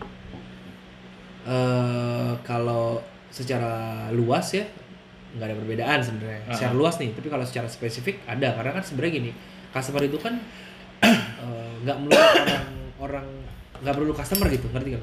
Customer itu adalah misalkan lo yang ngerti kopi, lo datang ke tempat gue, lo customer. Iya, Jadi lo kan sebenarnya bukan customer, lo kan customer spesial karena lo paham kopi gitu. iya. Nah, yang sebenarnya mungkin yang ber- bikin berbeda adalah adanya orang-orang seperti ini. Customer yang memang sebenarnya ngerti sama sebuah subjeknya gitu ya, sama sama sama bahannya, main ke sebuah coffee shop. Ya itu yang beda gitu. Dulu mah mungkin nggak banyak ya orang yang memang punya punya uh, skill atau atau uh, kerja di kopi main ke coffee shop lain gitu jarang mungkin ya dulu ya Tapi karena sekarang juga kayak tadi gue bilang akses informasi gampang di Hmm. eh, diraih gitu ya. Hmm. Banyak customer sok tahu nggak sih? ya kan karena karena gini nih karena mereka so tahu karena mereka tertarik dulu awalnya kan. Emang nggak mungkin dong mereka nyari tahu kalau mereka nggak tertarik misalkan mereka tertarik kayak lu nih misalkan lu suka kopi lu awal-awal kan nggak nyari tahu kan gitu ya kan tapi tiba-tiba lama-lama karena wah juga asik juga ya seru juga ya Iya. Ya, tadi lu bilang ternyata barista ada ada, ada tempatnya ya gitu di situ baru nyari tahu kan Iya. oh kayak gini nih gitu nah ya itu menurut gua kalau dia nggak tertarik dia nggak mungkin rese nggak mungkin nyari nggak nyari tahu gitu Karena kebanyakan customer sekarang tuh kayak mengkonfirmasi. Iya nggak sih? Mengkonfirmasi info yang udah mereka dapat ke Eh, barista yang hmm. di depan mereka gitu. nggak apa-apa iya itu ada sih pasti ada sih. Yang gua nggak suka cuman customer kalau misalkan buang putung rokok. Sembarangan itu gue nggak suka udah. Ah udah asbak ya. iyalah buangnya ke piring. Itu gue nggak suka. Nggak ada attitude-nya aja gitu. Gue seumur umur ke kafe nggak pernah kayak gitu gitu.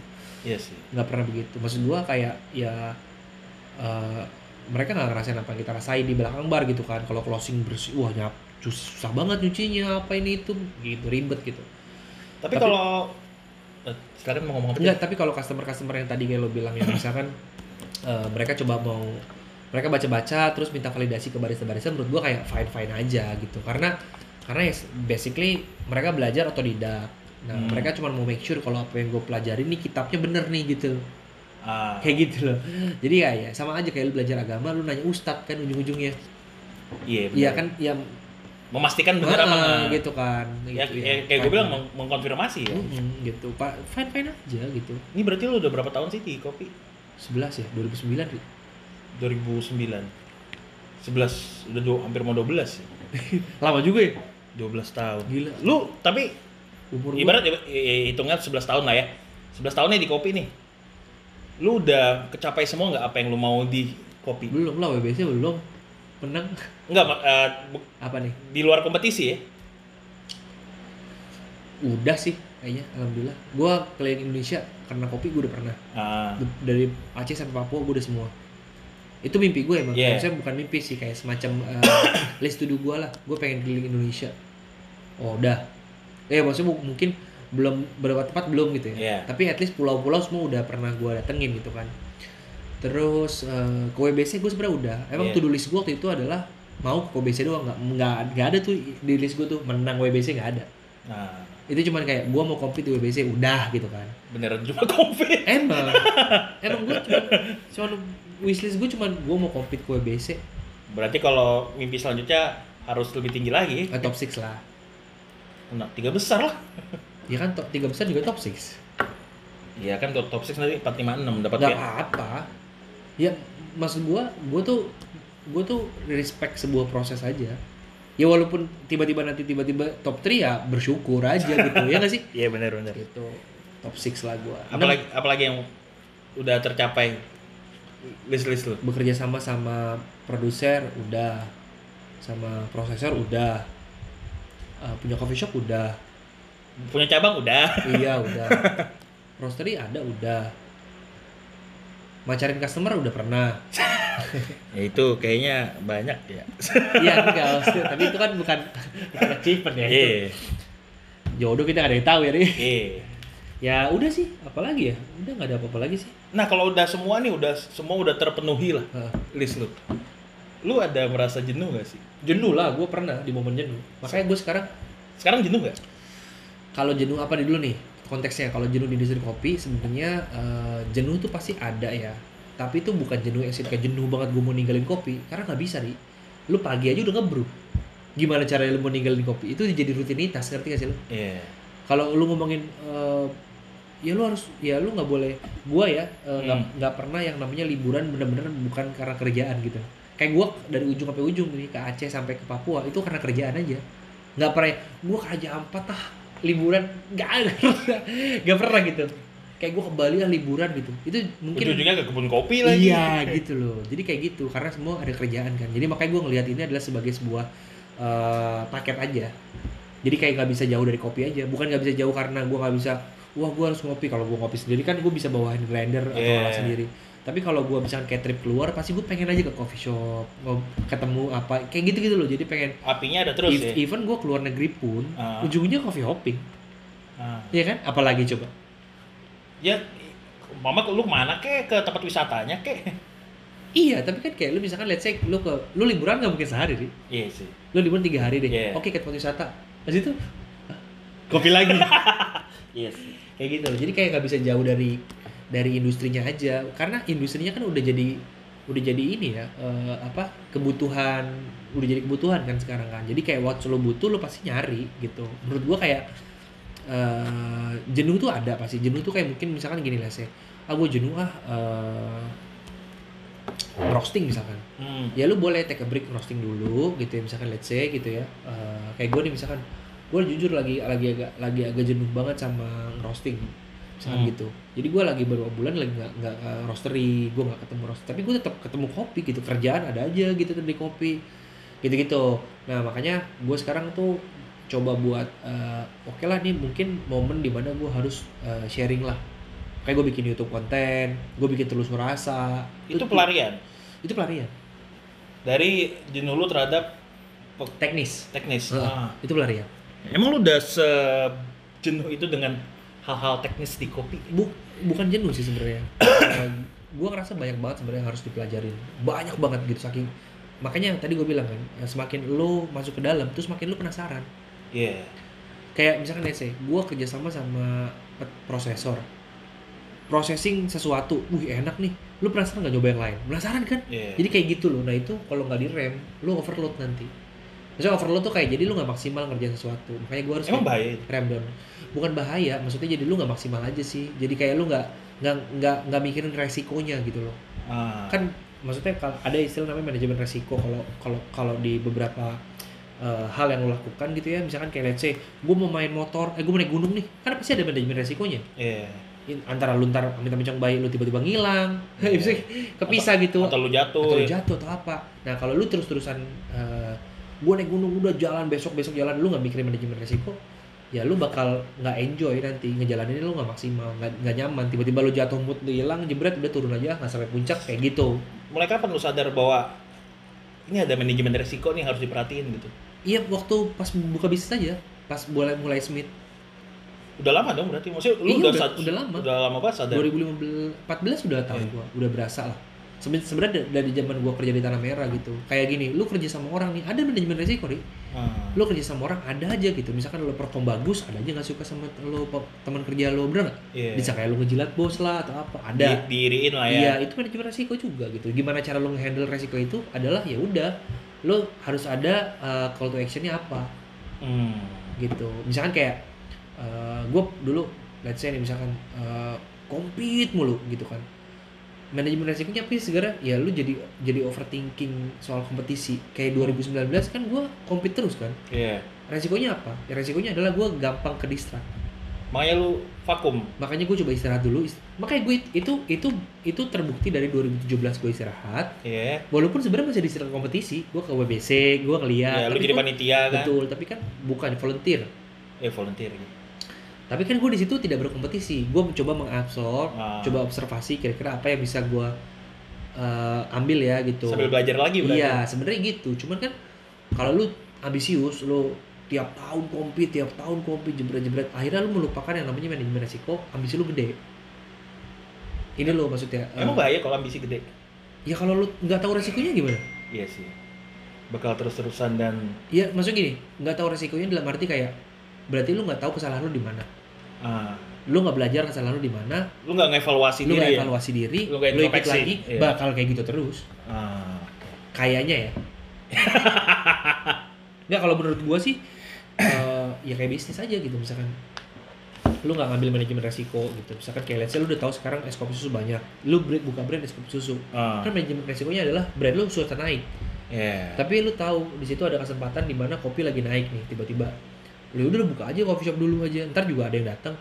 Sebulan dua bulan rame emang tapi Iya. lama-lama drop drop. Karena lu nggak mikirin manajemen resiko kompetitor lu siapa? Produknya gimana? Lu bisa nggak punya value lebih daripada produk yang ada di sekeliling lo? Kayak gitu gitu kan? Makanya banyak yang buka tutup ya. Mungkin karena mereka ngerasa kayak ya udah gue punya duit gue pengen buka dan gue punya bisnis plan tapi nggak Ah. nggak ada manajemen resiko ah, buka roastery kan ada manajemen resiko ya kan? Kayak misalkan eh, banyak orang yang gue tanya lu buka roastery lu beli mesin roasting? Ya murah nih gue beli aja deh. Mereka nggak lihat manajemen resiko kalau tiba-tiba mesin safety nya nggak ada kebakar jeder. Iya. Yang rugi bukan lo doang banyak. Jadi kayak kayak kayak gitu-gitu tuh sebenarnya menurut gue yang mungkin eh, harus di rem down gitu loh. Kayak misalkan kenapa tadi gue analogiin ke bisnis? Bisnis itu ekspansi itu bisa lo cepat gitu. Iya. Lu bisa banget lu bisnis dengan lu punya konsep menarik ekspansi cepat bisa jeder tapi ada pasti manajemen resiko. Di mana di saat ekspansi itu tim lu nggak siap.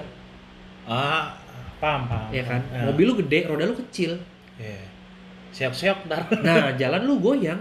Iya. putus satu cabut cabut cabut jatuh brand lu. Iya. kayak gitu loh ada orang yang itu kan karena karena ambisius melihat profit oriented. Iya. wah gila brand gua mau diinvest jebret buka banyak jeder tapi roda lu kecil. Jadi kan manajemen resikonya nggak diperhatiin sama dia. Kalau gua mikirnya makanya lu harus lu harus lihat dulu gitu pola polanya apa aja nih lu harus istirahat dulu pelajarin dulu kalau mau, mau Riset lah ya. ya ya kan istirahat itu lu bukan istirahat as in kayak lu lay off aja ya gitu Iya, hilang aja gitu iya, enggak? tapi lu mencoba untuk nge-absorb apa yang lu pengen achieve di tahun-tahun berikutnya atau enggak di di next step gitu Memahami lagi dari awal gitu ya. Iya gitu, memahami apa lo nggak pahami sebenarnya gitu. Lo coba mempelajari kayak gini, bu- punya coffee shop satu gampang urusnya, oke Iya. lah. Tapi kalau punya 10 Iya. karakter staff lo beda-beda. Iya. Ya belum nanti konsistensi produk, belum Iya. nanti kalau ada yang misalkan yang rese lah pajak apa ini, tetek bengek lah. Kalau lu ambisius buka aja dulu 10 tapi tiba-tiba nanti buat dua bulan kemudian Cabang ini tutup, cabang ini tutup. tutup ya misalkan kayak ada staff lo tiba-tiba nyolong duit lu nggak tahu karena lu nggak mikirin manajemen resiko kayak gitu kayak gitu-gitu sih maksud gue Iya sih. Itu itu yang jarang dipikirin orang sebenarnya kan. Iya, ya kalau gue pernah karena pernah down aja sih. Gue pernah pernah, ya itu pernah, kok nggak pernah menang ya? Gue kenapa ya gitu? Bener gak sih kayak, gue berapa kali ikut kompetisi 2014, 2015, 2016 tuh Bahkan lu pernah ikut Brewers kan? pernah gitu kan. Tiga tahun berturut-turut ikut kompet, nggak pernah istirahat, tapi kayak, ya gue nggak tahu kesalahan gue di mana gitu kan. Gue Ah. nggak, oh ternyata tim, ternyata ini nggak ada, ternyata itu ketemu gitu Iya. kan. Sampai akhirnya gue bisa oh menang. 2018 ambisius gue abis kalau kompetisi di Amsterdam gue pengen ikut lagi pengen compete lagi ke WBC kalah. Karena manajemen resiko gue di situ gue nggak ngelihat di situ ada maksudnya kayak nggak ngelihat resikonya gitu. Ah. kedistrak lah gue wah kopi lu nggak enak gantilah kopi. Itu bukan kesalahan gue. Iya. emang eh bukan kesalahan eh, apa-apanya gitu. Itu kesalahan memang karena lu nggak mikirin manajemen resiko itu. Ambisi lu terlalu besar. Bahaya juga tuh. Kayak gua tuh habis menang ambisi lagi menang. ya makanya dia jadi kurang kan Iya. karena lu nggak berpikir lu merasa ya udah gue pengen balas dendam gitu misalkan Ah. ambisi gitu gue kalah nih gue pengen balas dendam Gitu. jadi lu harus ber- harus ngatur strategi lah ibaratkan kayak gitu pelan istirahat dulu take a break gitu ya napas wah besok Lu dari tadi nih ngomong overthinking mulu. iya diri Emang lu ada overthinking apa nih? Lu mikir apa yang berlebihan sekarang? enggak sih. Gak soalnya yang bikin gue tertarik podcast sama lu ya kan gue baru bikin Twitter lagi nih setelah lima tahun gue gak pernah main Twitter ya. Akhirnya gue main Twitter kan. Lu kenapa tahu twitter gue sih? Enggak, gue gue bikin Twitter buat nge-share podcast sebenarnya. Terus gue ah follow ah. Gue follow ada eh, ada gue. eh, teman-teman kopi dulu kan. Eh, ada agak nih. Follow follow. Terus gue ngeliat wih ini kok ini orang kok beda gitu. Di twitter? Enggak maksudnya beda ketika lu di Instagram sama lu di Twitter gitu makanya kan di twitter kan lebih lebih banyak orang berekspresi kan? Bukan ekspresi apa tuh? Kalau di Twitter tuh lebih banyak orang bisa mengeluarkan keresahannya men. Emang ya? Daripada di Instagram gitu. Karena mungkin di Instagram tuh tempatnya show off ya. Oh mungkin. Kalau lu lihat kan orang mau pamer apa pun di Instagram gitu. Tapi ketika kebebasan ngomong itu ada di Twitter gitu. Hmm. nah setelah gua ngeliat Twitter lu nih ini kok overthinking? Ini agak agak ada apa nih? Eh. ada apaan nggak emang nggak? Nggak ada apa? Nggak gini. Gue tuh emang eh, dari ini bukan kebiasaan gue sih sebenarnya hmm. kayak gue ada sedikit misalkan kayak gue ada sedikit eh, kerjaan yang nggak kelar nih gue Hmm. overthinking pasti jadi gue kayak jadi mis- misalnya gini gue ada kerjaan eh, tiga berturut-turut nih Iya. satu nih kayak menurut gue agak ribet banget nih kerjaannya nih Ah. Nah tapi gue harus di saat bersamaan gue harus ngerjain kerjaan yang ini. Nah Yeah. jadi nggak maksimal karena gue mikirin yang ini gitu ngerti gak lo? Iya, jadi paham. jadi eh, makanya gue gua nggak tahu sebenarnya kayak gimana ya solusinya kalau misalkan gue overthinking gitu loh. Kayak sekarang misalkan. eh, tapi memang lu nggak mau ngambil satu-satu gitu Enggak bukan. Ini anal ini analogi doang ya. ya, gua paham. Kayak sekarang nih misalkan eh, ini lagi pandemi. Aduh staff gue gimana ya? Anak gue gimana ya makannya? Itu gue overthinking gitu loh. Jadi overthinkingnya bukan karena bukan karena eh, masalah pribadi, Iya. tapi kayak masalah umum aja gitu yang tiba-tiba memang dampaknya ke pribadi juga gitu kan. Masalah tanggung jawab lah ya. Heeh, tanggung jawab yang udah lu iya. pegang selama ini gitu. Gue mikirin anjir nih jam makan ya ntar ya misalkan kayak gitu. Iya. Karena karena kan operasional orang di, Iya. dipotong kan. Gue gimana ya caranya supaya dia bisa dapat penghasilan lebih misalkan. Terus oh itu gimana? Gue kalau dia cabut gimana? Bisa kayak gitu gitu loh. Hmm. Ada pasti pola pikir kayak gitu ri gitu. Maksud gue, nah itu yang yang yang yang sampai sekarang terlintas karena ini kan nggak kelar-kelar ya sebenarnya. Di saat bersamaan lo harus harus menyelamatkan diri lu sendiri juga. Tapi di saat bersamaan sebenarnya lu nggak bisa hidup sendiri. Ah. kayak lu lu teman-teman lu di situ kan ada tuh nah tapi yang yang yang eh, yang ngasih revenue ke perusahaan lo adalah staff lo nah di saat staff lo juga terdampak walaupun mereka paham lah ya saya paham kan ini lagi Iya. pandemi. Tapi kan pasti kan lu mikir ya nggak sih? Kayak "Ih, Ta- ih, gimana ya mereka ya? Tapi kan kalau kalau kalau lu overthinking kan berarti lu mikirin sendiri kan. iya betul. Makanya tadi gue bilang kan. Kenapa lu gak nge-share dengan partner lu, teman-teman lu gitu? udah udah. Kan gua gua gua share eh, maksudnya kayak eh gua ngomong langsung malah kayak eh gimana ya solusinya ya? Ya maksudnya karena semua tuh lagi di, ada di momen memang eh, ya menyelamatkan diri sendiri lah. Iya. semua tuh ada di momen mereka survive masing-masing gitu. Iya jadi menurut gua karena karena itu eh jadi overload aja gitu. Maksudnya mungkin orang-orang yang tipikal kayak gue yang overthinking itu banyak juga gitu ya. Banyak kan Hmm. Banyak banget. Iya kan? Kayak gitu-gitu loh. Ya Kayak- bah- bah- bahkan kayak kayak kayak gue pun ketika orang lain gue liat di Instagram nih ketika orang lain pada ngumpul keluar gitu Eh, gue sampai sekarang tuh gak, gak berani keluar gitu. Heeh. karena gue kayak kepikiran anjing gue gimana nih? Iya. Gue ntar gue nggak sehat nih gue ngeliat orang nggak pakai masker aja gue takut gitu. Soalnya gue tuh orangnya nggak enakan juga ya. Ah. makanya overthinking kayak misalkan gue juga sebenarnya nggak mau pergi ke mall. Cuman kemarin karena ada harus ambil fans apa segala macam jadi mau ngomong gue harus ke mall gitu kan.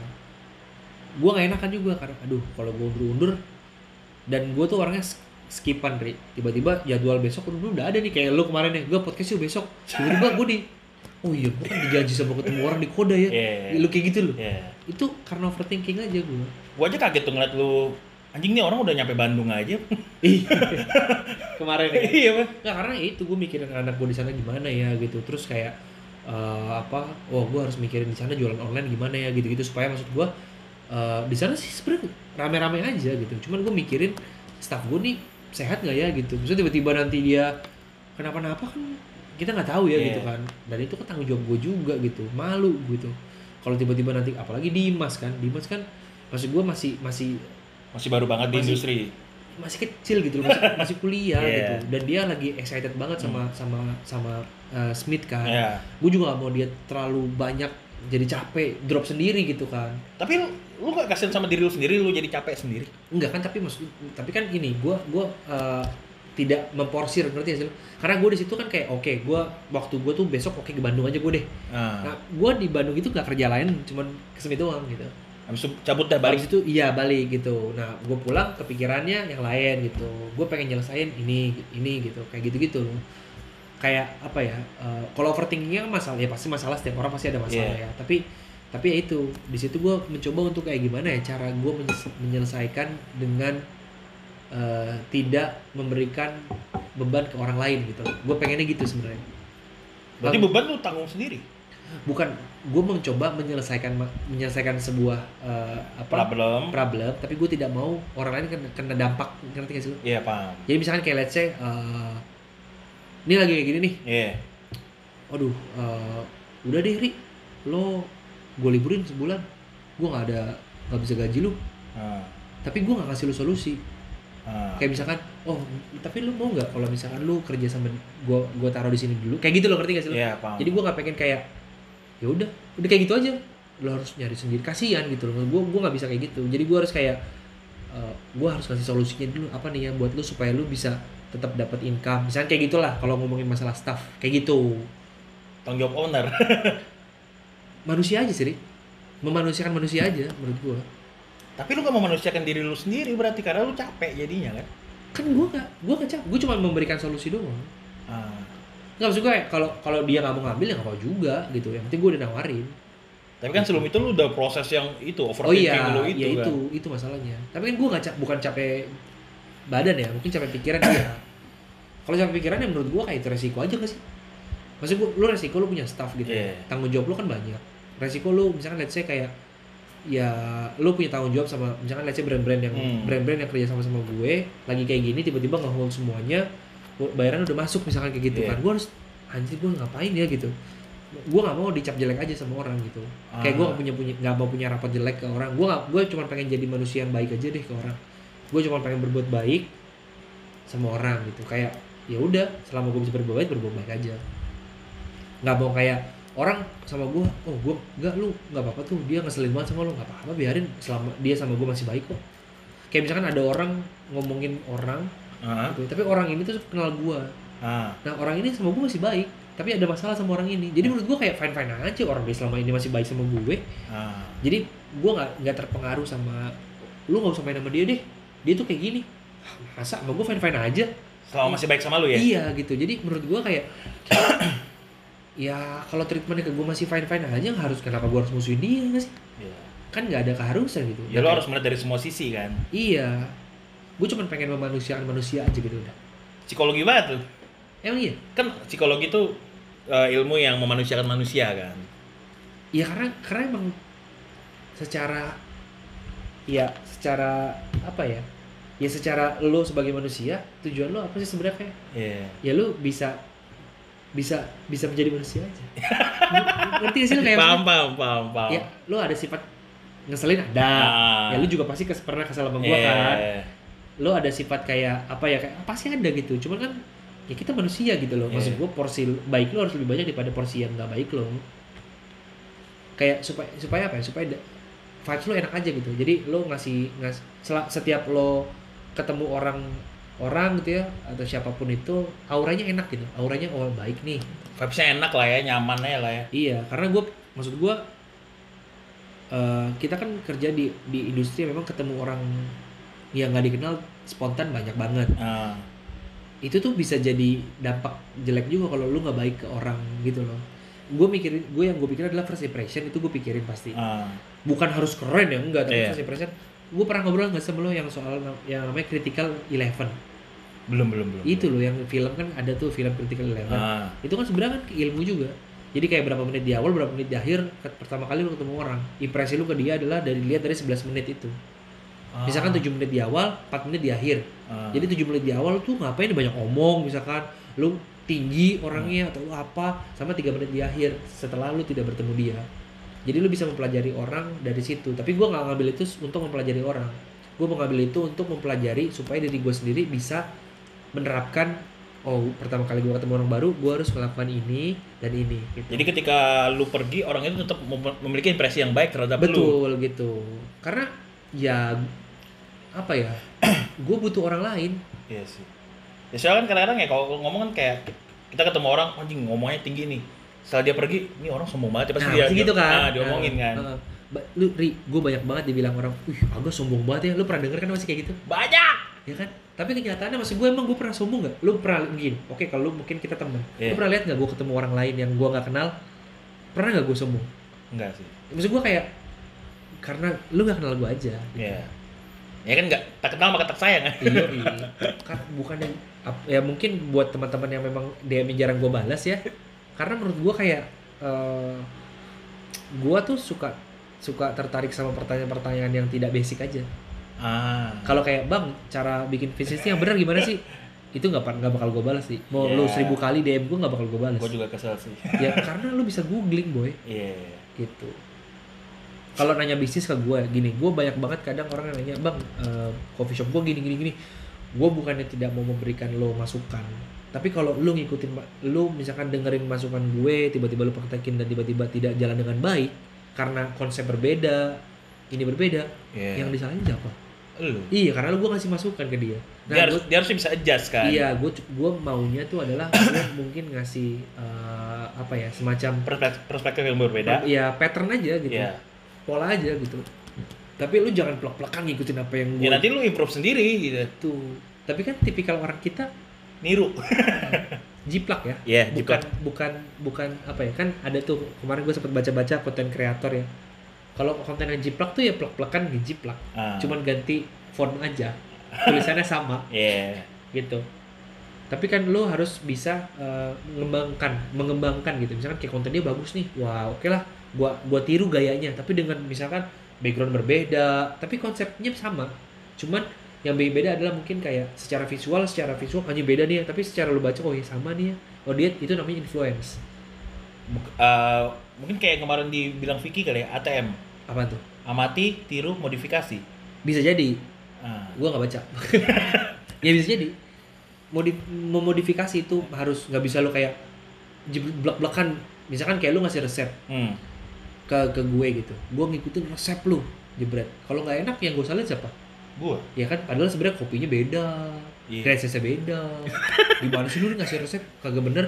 Wah, gua sering banget tuh, iya makanya maksud gue mak, mak, it- itu itu yang harus dicerna orang tuh berbeda gitu loh kayak oke lah oh resep lu tuh misalkan intervalnya empat kali oh gini gini oke lah gue bikin interval empat kali tapi mungkin ada yang gue bedain gitu Ya green size kayak apa ya kayak. apa kayak gitu karena Karena bahan beda kan. Iya, tiba-tiba lo bikin kopi 2 menit 30, gue bikin kopi dengan cara lu 4 menit.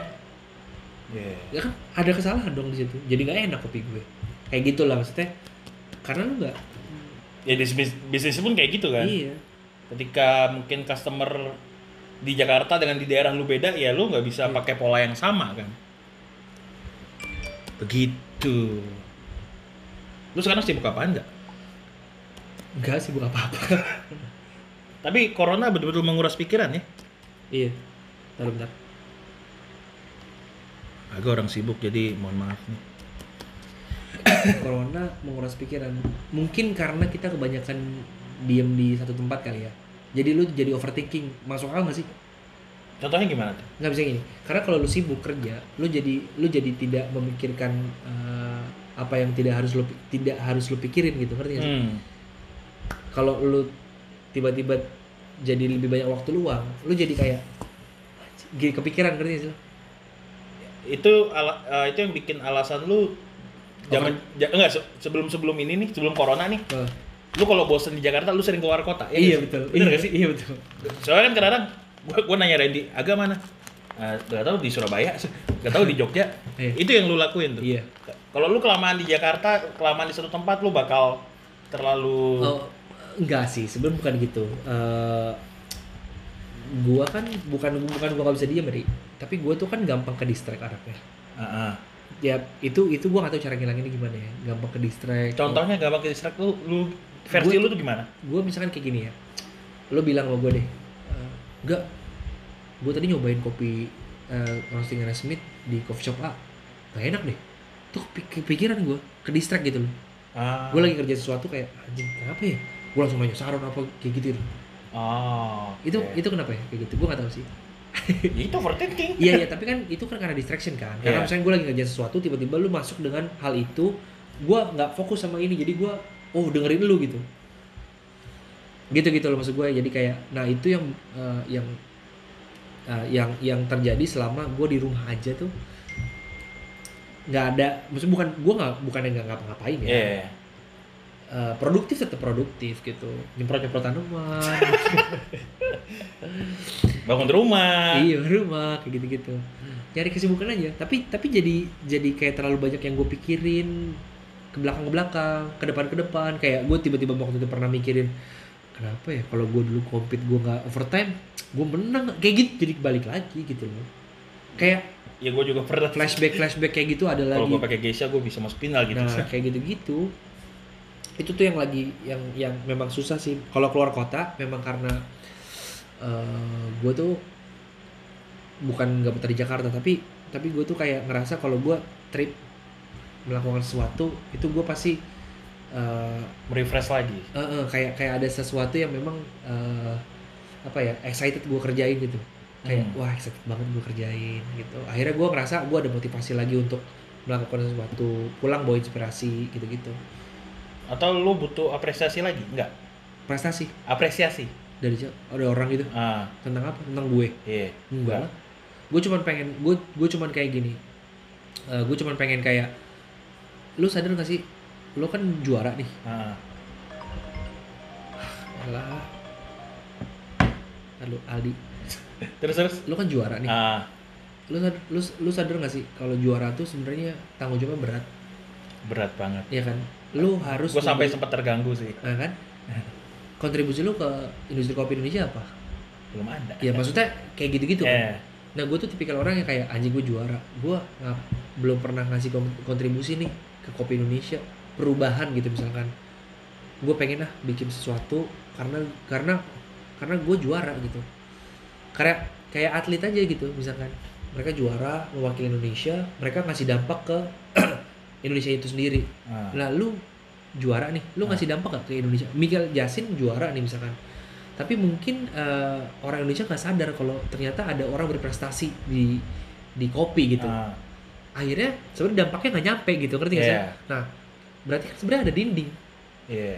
nah dinding itu sebenarnya yang pengen kita sebagai juara-juara nih harusnya tuh mencoba untuk kayak kalau bisa nih kita nggak nggak ada dinding nih antara industri kopi Eh, jadi orang bisa ngelihat kalau berprestasi itu eh, di kopi juga ada prestasi gitu loh maksud gue Iya.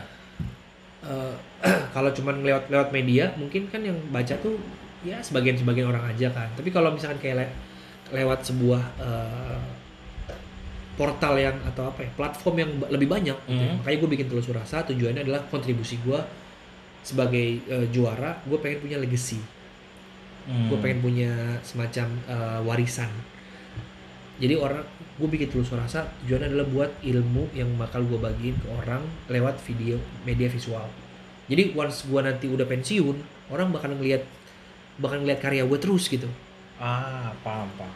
kayak kayak kontribusi lo aja buat buat industri kan karena gini kayak lo pasti ada ada retired ya ada waktu lo di mana pensiun capek lah Iya. lo mungkin ya udahlah nah, harus nah Ya tapi kayak Babinski sekarang lah ya. Eh iya. Tapi lu lihat nggak sekarang ini ada regenerasi? Belum. sih. Belum kan? Iya. Karena belum ada trigger untuk ya karena tadi gue bilang ada dinding gitu loh. Ya orang mungkin kayak, oh Michael Jackson juara 4. Wah, karena dia mungkin modalnya kuat ya. Kepikirannya ke situ. Iya. Bukan ngeliat, wih latihannya keras ya. Bukan gitu, lihatnya salah kan. Iya. Kayak dinding itu yang pengen di harusnya di dihancurin ya. dihancurin dulu gitu. Jangan ngelihat kayak, oh backing dia kuat. Ya itu mungkin salah satu hal gitu kan menurut gua. Tapi gua buktinya bisa dapat sponsor. Iya. ya kan gua tanding du- 2018 cari sponsor ada yang mau sponsorin Iya. asalkan lu mau aja nyari Ah. sponsor lu pernah disponsorin kan Iya. Ya kan? walaupun memang mungkin bukan uang tapi alat Iya. at least meringankan beban kan Iya benar-benar. gitu maksud gua kayak itu yang nggak dilihat orang tuh makanya gue bikin coba bikin kayak semacam telusur rasa gue bikin YouTube eh, sharing-sharing tujuannya tuh kayak gue pengen apa ya eh, nge-build community supaya orang tahu kalau ternyata eh, apa ya lu sebagai juara bukan bukan achievement, achievement lu sendiri. Iya. tapi ini achievement satu Indonesia TR gimana caranya supaya lu melahirkan regenerasi? Orang-orang yang memang mindsetnya adalah mindset militer militer kayak lu. Itu yang nggak gua dapet sampai sekarang. Gua nggak tahu masih harus ngapain sebagai juara lu mau ngapain bingung nggak? Iya, gua nge-share UD gitu kan ibarat. iya makanya maksudnya yang bisa kita lakuin kan kayak gitu-gitu Iya. aja kan. Cuman eh, harus harus ada hasil ini kan belum kelihatan hasilnya tadi Iya. kayak misalkan orang juara karena elu pernah nggak Apa? orang orang juara juga barista karena elu Belum sih. Nah, sama gue juga belum. Belum gitu. Karena kalau udah ada jebret, nih mbak, nih berarti dindingnya udah mulai runtuh. Udah ada yang bisa gantiin gua nih. Iya. Susah ya. Susah, Rik. Ya karena Nah, berarti gue pengen narik nih. Emang beban nggak jadi seorang champion nggak? eh, Soalnya kemarin Miki ngomong ke gue kan, eh, di WCE itu tertulis bahwa ketika lu adalah ketika lu menjadi champion, lu lu, jadi ad- lu adalah seorang coffee ambassador. Eh, emang. Emang Nah itu beban gak sih? beban lah.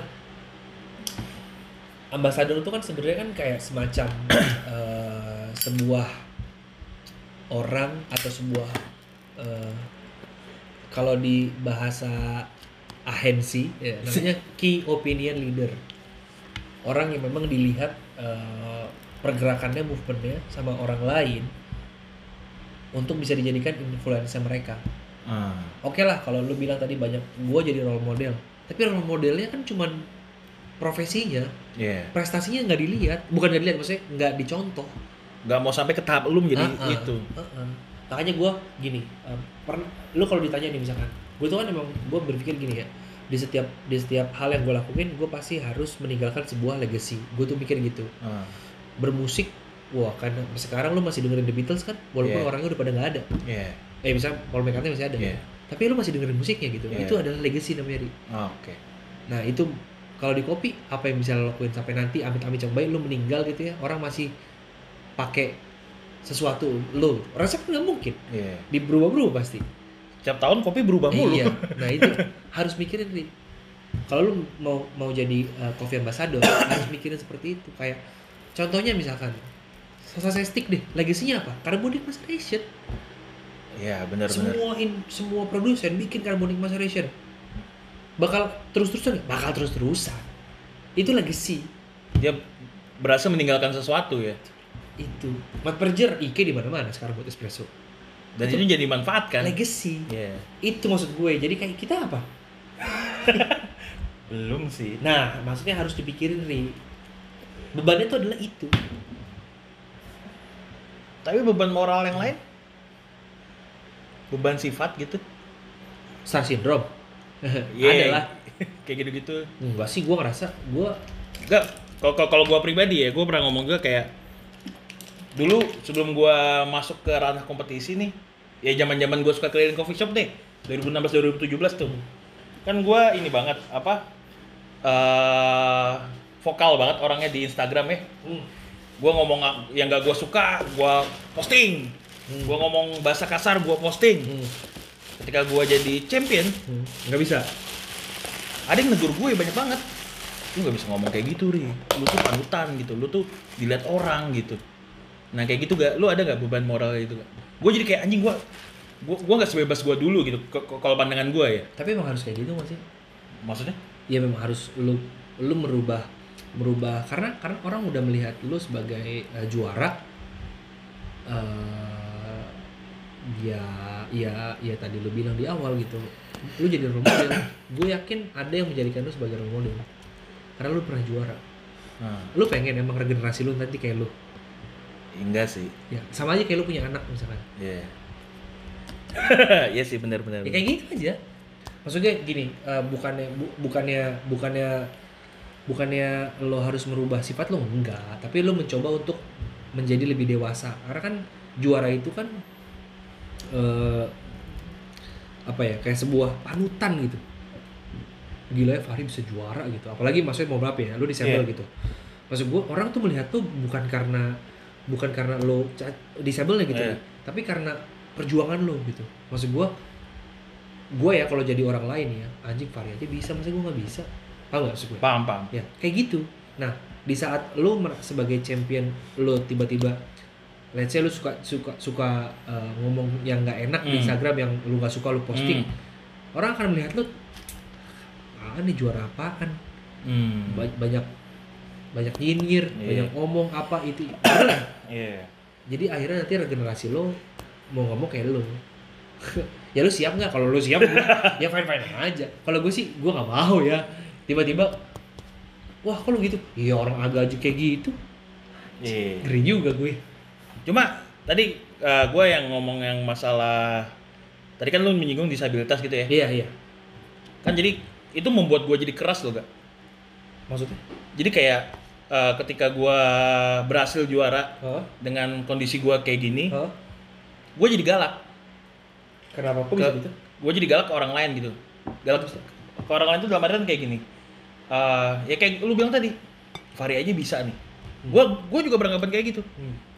Gue nih bisa nih. Gue sering banget nge-post orang-orang Samarinda gak? Karena gue dari Samarinda kan. ya Gue aja, gua aja bisa nih kayak gini nih. Iya. Lu, Lu bisa lu yang lebih sempurna dari gue masa gak bisa? Nah akhirnya tuh kayak gue tuh nge-post mereka tuh terlalu gila Terlalu. lah. Nah itu akhirnya membuat gue jadi galak gitu karena kayak ngeliat masa lu pada nggak bisa sih kayak gue? Ibarat kayak gue nih pakai dua kettle tuh nggak bisa loh gitu. lu nggak lu nggak bisa menilai orang hanya dari fisik Ri. sebenarnya sebenarnya gini yang harus malu tuh yang harus malu memang bukan lu orang-orang yang memang sempurna dari maksudnya bukan sempurna lang, apa ya Lebih lengkap lah ya. lebih lengkap lah Nah. dari malu gitu Hmm. tapi balik lagi eh, kompetisi kan bukan kompetisi kan bukan bukan hanya sekedar fisik ya Iya. mental mentalnya sama kayak lu nggak Iya. lu nggak bisa memaksakan mental orang ri karena lu lama di Jakarta Iya sih. lu lama di kota-kota besar di Semarang lu lama lu banyak ketemu orang kuliah lu kriminologi. Lah bener gak Iya benar benar. ngaruh gak sama psikologi? Dia kan bukan psikologi kuliahnya. Nah. bukan bukan masalah bukan masalah fisiknya ya. Kalau Iya. gua ngelihat kayak orang em, misalkan kayak gua nih misalkan eh gua ngeliat lu anjing lu keren sih makanya gua sempet sedih kan pas lu Iya. menang 2019 karena gua ngerasa "Ah, gila lu menurut gua lu bener-bener lu jadi ambasador Indonesia di luar gitu. Tapi gue nggak melihat gue gini gue gue berharap sama lo jangan sampai lo memanfaatkan disabilitas lo sebagai sebuah eh, apa namanya kayak advantage Iya. untuk lo ngerasa kayak eh, pasti gue dikasih nilai lebih nih karena gue kayak ngerti gak sih lo gue Iya, paham, paham. jangan sampai lo berpikir kayak gitu Dan Karena- un- iya. Untungnya gue gak pernah kayak gitu. Betul, karena karena gini maksudnya ber- lu berusaha untuk supaya orang menilai objektif dari skill lu, dari mental lu, bukan dari fisik lu. Iya. Makanya gua tuh suka ka- sebel kadang kalau orang-orang yang misalkan em, belum apa-apa udah udah kayak eh, nggak mau duluan, negatif duluan, nggak bisa duluan gitu. Menurut gua ya give a shot aja. Asal lu lu ada kan orang self confidence beda-beda. Lu Iya. mungkin percaya diri sama diri lu sendiri. Lu bisa lu yakin gue bisa. Hmm. Lu orang lain enggak. Iya. Tapi kan kalau kayak gitu akhirnya gak ada generasi kan? Kok kita nggak memaksakan? Jangan dipaksain. lu maksud gua bayi dikandung itu 9 bulan, Ri. Nggak bisa lu 7 bulan lu keluarin. Iya. Kasih waktu, biarin aja. Nah, yang penting lu lu menurut gua ya, kalau lu pengen naikin Samarinda, atau lu pengen naikin orang-orang Samarinda supaya supaya bisa ngikutin apa ya men- mental kayak lu nih ya. Cara lu jangan jangan kerasin sih kalau menurut gua ya. Karena gua pernah dididik bapak gua keras. Nah, Akhirnya gua bandel. ah, kayak emang itu ada kan ya di pelajaran psikologi Iya, di ada, ada. Anak tuh kalau dididik keras, udah pasti dia pasti suka bohong lah bandel. Gua ya kayak gitu. paling gampang anak polisi bandel-bandel. Ya kan? kayak gitu, gitu. Jadi maksud gua kayak lo harus bener-bener kayak gua nggak tahu ya mungkin eh, kalau mereka emang bis, emang melihat lo sebagai defense mereka, ya pergerakan lo pasti diikuti. Makanya kalau gua nih ya, gua kan nggak pernah memaksakan orang ikut kompetisi ya, Hmm. tapi gua tuh selalu kayak eh, memberikan apa ya kayak ini gue bikin bikin beberapa karya supaya kayak gue nih gue terima endorsan Hmm. lu tau gak sih bukan ya oke selain duit tujuannya buat apa biar orang lihat kalau barista tuh ada karirnya Hmm. barista tuh lu kalau misalkan konsisten melakukan sesuatu lu bisa memberikan manfaat bagi banyak orang rezeki ada bro nggak usah Iya. takut gitu Bisa dari mana aja. bisa ya? dari mana aja gue tuh kalau kalau uh, kalau sharing soal kompetisi gue pasti nulis benefit benefitnya apa sih kalau ikut kompetisi? Kalau lu menang event lu gak menang tapi lu unik gitu ya. Andre Andre Herman menang nggak menurut lu top 12 men dia. Iya. eh nggak sampai total ya? Iya. top 12 tapi dia unik karena pakai orang pertama yang roasting di panggung. Pakai kawa ya. pakai akhirnya dia ke mana-mana keliling dunia. Yang menang saat itu siapa? Dale Harris ya? Del Harris. malah kalah justru kelilingnya sama dia. Iya. Paham. kayak kayak Pitle kata kalah sama Perjer. Iya. terkenal. Maksud gua karena karena dia unik gitu jadi ya udah lo lo harus berpikir kalau eh, lo harus memberikan sebuah dampak dampak kayak gitu. Jadi kayak kayak lo nih misalkan eh, lo kerjasama sama petani gitu ya. Pasti gue yakin orang-orang ke trigger li jadi kayak lo gitu misalkan kok Fari bisa ya bikin proses apa dan segala macam? Kayak gitu gitulah Hmm. kok Fari bisa ya? Gue dapet kerjaan ngebrew buat presiden misalkan. Ya karena orang kenal lo sebagai juara. Lo punya lo punya lo punya apa eh, punya prestasi bukan dilihat bukan fisik lo Hmm. prestasi lo kenapa nggak misalnya gini eh, lo pernah dipilih sama IMF untuk surfing buat presiden Iya. kenapa nggak orang lain yang dipilih yang lebih komplit gitu misalkan daripada lo kenapa lo Iya. karena udah prestasi kayak gitu misalnya gue melihat tuh kayak ya lu harus lu harus manfaatin prestasi lu buat nge-influence orang-orang yang makanya tadi gue bilang Ri, beban gak jadi cepat champion beban kan karena lu pengen banget kan sebenarnya bikin regenerasi Iya. gitu berarti sebenarnya achieve berarti sebenarnya adalah kalau lu pengen nyentil mereka lu harus menang di world top sing lah di world lah kesentil gak tuh mereka Iya. pastilah Ya makanya kan ket- ketika si Patrick Rolf nawarin gua jadi April Ah. athlete gua gua menerima kan. ah Ya karena gua beranggapan kayak ya gua aja diapresiasi sama iya juara dunia gitu kan. Ya berarti kan kalian-kalian harusnya juga bisa lah gitu nyampe ke tahap itu gitu. bisa bisa banget gitu. Cuman kan gini nih maksud gua. Nggak semua orang tuh punya rezeki kayak lu. Iya. itu yang susah ri. Nggak bisa diatur soalnya. Iya, bener bener. kayak oke ini rezeki lu emang nih. Gitu. Tapi kan maksud gua ya Tuhan pasti ngelihat usaha orang. Bener bener. Ya gua ya gitu sih. Iya tapi emang beban ri. Jadi champion tuh bener beban emang. Iya. Apalagi lu udah champion lu compete lagi tuh. Waduh beban di panggung beban banget tuh. Ya pasti kayak anjing nih last year champion nih. Hmm. dia ngelakuin apa lagi gitu Hmm. kan. Kalau lu nggak wah lu nggak heboh Hmm. oh cuma segini doang ternyata. Iya. tapi berarti itu makna juara buat lu? Hah? maknanya seorang juara buat lu maksudnya maknanya gini oh maknanya itu gini. Lu memaknai juara gitu? Eh, iya kalau gua memaknai juara adalah sebenarnya adalah eh, ya lu harus bisa memberikan dampak-dampak atau lu bisa memberikan eh, atau lu bisa kayak memberikan motivasi atau influence baik ke orang-orang gitu. Karena kalau lu sebagai juara achievement yang lu pegang sendiri kepuasan yang lu pegang sendiri eh, ya percuma gitu loh maksudnya nggak akan ada regenerasi kalau lu nikmatin semua sendiri gitu. Makanya gue pengen sebenarnya kayak eh, porsi gue sebagai juara gue harus memberikan eh, spirit buat orang-orang yang memang bisa harusnya bisa jadi juara. Men kita sama-sama makan nasi men. Iya. Ya kan? Maksudnya sama-sama tinggal di Jakarta sama ya, kalau nggak di kota lah ya sama-sama kena polusi gitu. Iya. tinggal dari awan yang sama masa masa uh, spiritnya beda gitu kan. Emang mental nggak bisa dilatih tapi lu bisa ngasih spirit gitu. Semangat semangat semangat aja gitu. Maksudnya kayak mungkin movementnya. Makanya gue tetap kayak wah uh, dapat endorsement mulu nih nah makanya jadi juara enak gitu kayak gitu gitulah maksudnya pola-pola kayak gitu lah Iya. Nggak karena gini ya, tuh gue waktu dipanggil BRI juga pun sebenarnya waktu surfing buat presiden, googling mereka Muhammad Haga, eh best barista Indonesia, nama gue keluar, Ah. bener nggak? Barista terbaik Indonesia, yang keluar nama gua, nama elu, nama Miki, nama Harrison waktu Randy, ya karena lu udah pernah ada di berita gitu. Iya. Nah gini gimana caranya supaya prestasi lu diliput sama media, supaya orang nyari lu gampang. iya benar benar Kalau enggak lu bikin kayak Ferdian Paleka. aduh ya mending terkenal lewat prestasi daripada ya kan ada dua cara, sensasi, kontroversi kontroversi. tapi ketika kita udah berusaha nih maksudnya kayak kita udah berusaha membangun regenerasi gitu Ya. Nggak ada juga. ternyata ibarat ya kayak kayak semua contohnya gua, eh, gua berusaha sharing ke mana-mana gitu ya Hmm. ayo coba dong kompetisi dong kompetisi dong kompetisi cuma mereka belum ke trigger gitu loh gak Cara sharing lu gimana? Lu kasih tau nggak enak-enak kompetisi. Jangan lu kasih tahu cara nggak enaknya. ya gua, gua bilang kan kayak eh ka- ketika gua nginjakan kaki di Smith gitu ya tahun 2015 gitu emang gua kepikiran 4 tahun kemudian gua akan mewakili Indonesia enggak kan gitu kan Iya. Maksudnya kayak kayak gue bisa ke Bali, gue bisa ke tanah seperti Sumatera yang belum pernah gue jamah karena kopi gitu kan. Nah, itu kan ibarat kayak hal-hal baik yang gue perlihatkan gitu kan. Cuma Karena ketika apa? Karena kompetisi kan.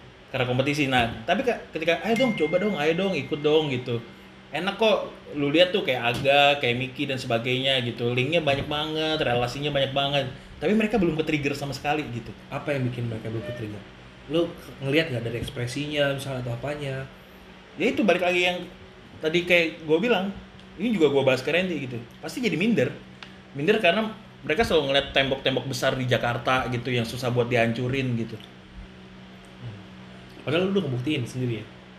nah tapi kan orang-orang beranggapan bahwa gue Bukan orang sana. gue lahir di kopi itu karena gue stay di Jakarta Oke, kalau gitu gini, misalkan gimana kalau misalkan ada momen lu sebagai eh, perwakilan dari Samarinda, gua coach deh lu gratis, mau nggak? Sampai mau gue sponsorin.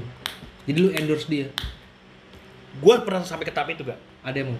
gue pernah bilang Gak usah, gak usah level nasional, level level kecil dulu aja, misalkan Semarang. gue gua, gua pernah bilang bahwa lu daftar dulu Bandung Brewers. Ah, lu pakai alat gua lu bawa diri doang nih. Hmm, lu bisa masuk enam besar. Hmm. gue rela nggak compete IBRC asal lu compete tapi belum ada yang mau juga gitu. Susah banget ngebangun apa ya mentalnya gitu. Kalau lu kalau kalau lu mungkin ngebangun mentalnya dari barista-barista lu dulu mungkin nggak? Apa gimana? Ngebangun mental siapa? Orang-orang. yang membangun regenerasi Eh, ya betul. Sebenarnya memang mulai dari circle yang paling dekat dulu aja. Maksud gue gini, bukan berarti harus orang Jakarta ya. Kalau Iya. circle gue paling dekat orang Jogja, ya kenapa gue nggak bangun gitu kan? Cuman, cuman eh, sebenarnya itu ini harus dibenerin dulu sih sebenarnya. Point of view orang tuh kok kan prestasi itu pasti dari nggak nggak harus dari kompetisi nih. hmm. maksudnya lu berkomunitas lu yang ngapain gitu jadi point of view dia melihat sebuah uh, achievement tuh apa gitu. Itu harus di itu itu yang susah emang Ri. maksudnya kayak gini misalkan kalau bisa kita kumpulin barista barista jebret ya. Mau lu apa sih? Mau lu apa sih? Mau lu apa sih? Gitu kan. Lu udah berapa lama di kopi? Udah 4 tahun. Lu masih jadi barista biasa aja. Lu nggak mau naik kelas. Kan lu gue kan gue juga mau naik kelas. Gue pengen naik S kelas. Nah. itu kayak Twitter lu itu. ya maksudnya kan Iya. kayak semua orang Oh, ada orang di belakang. oh ya Nah, terus ya iya kan ini ru- perumahan gak? Terus terus itu gak masjid. wow Terus terus lu takutan orangnya gue sendirian lagi. Ini ngomongin apa? ya?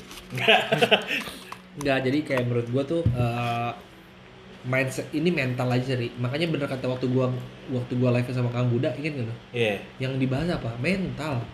Iya. Ini susah kalau mental orang kita memang nggak bisa kayak gitu, gitu berat. Ya udah pasti yang mental mentalnya kuat doang. Nah, kan udah kelihatan tuh yang mental mental kuat siapa? Ya itu dipoles aja. Jangan nyari yang baru udah ya. Ngapa usah dipoles aja yang udah mentalnya bagus gitu. Kalau gue sih ngapain ya? Kalau emang lu nggak nggak mau, nggak dipaksa gitu. Emang nggak boleh memaksakan gitu kan? Enak gak sih Ri kalau di Iya sih, nggak enak sih buat dipaksa sih. ya enak kan? Iya. Nah, coba susah.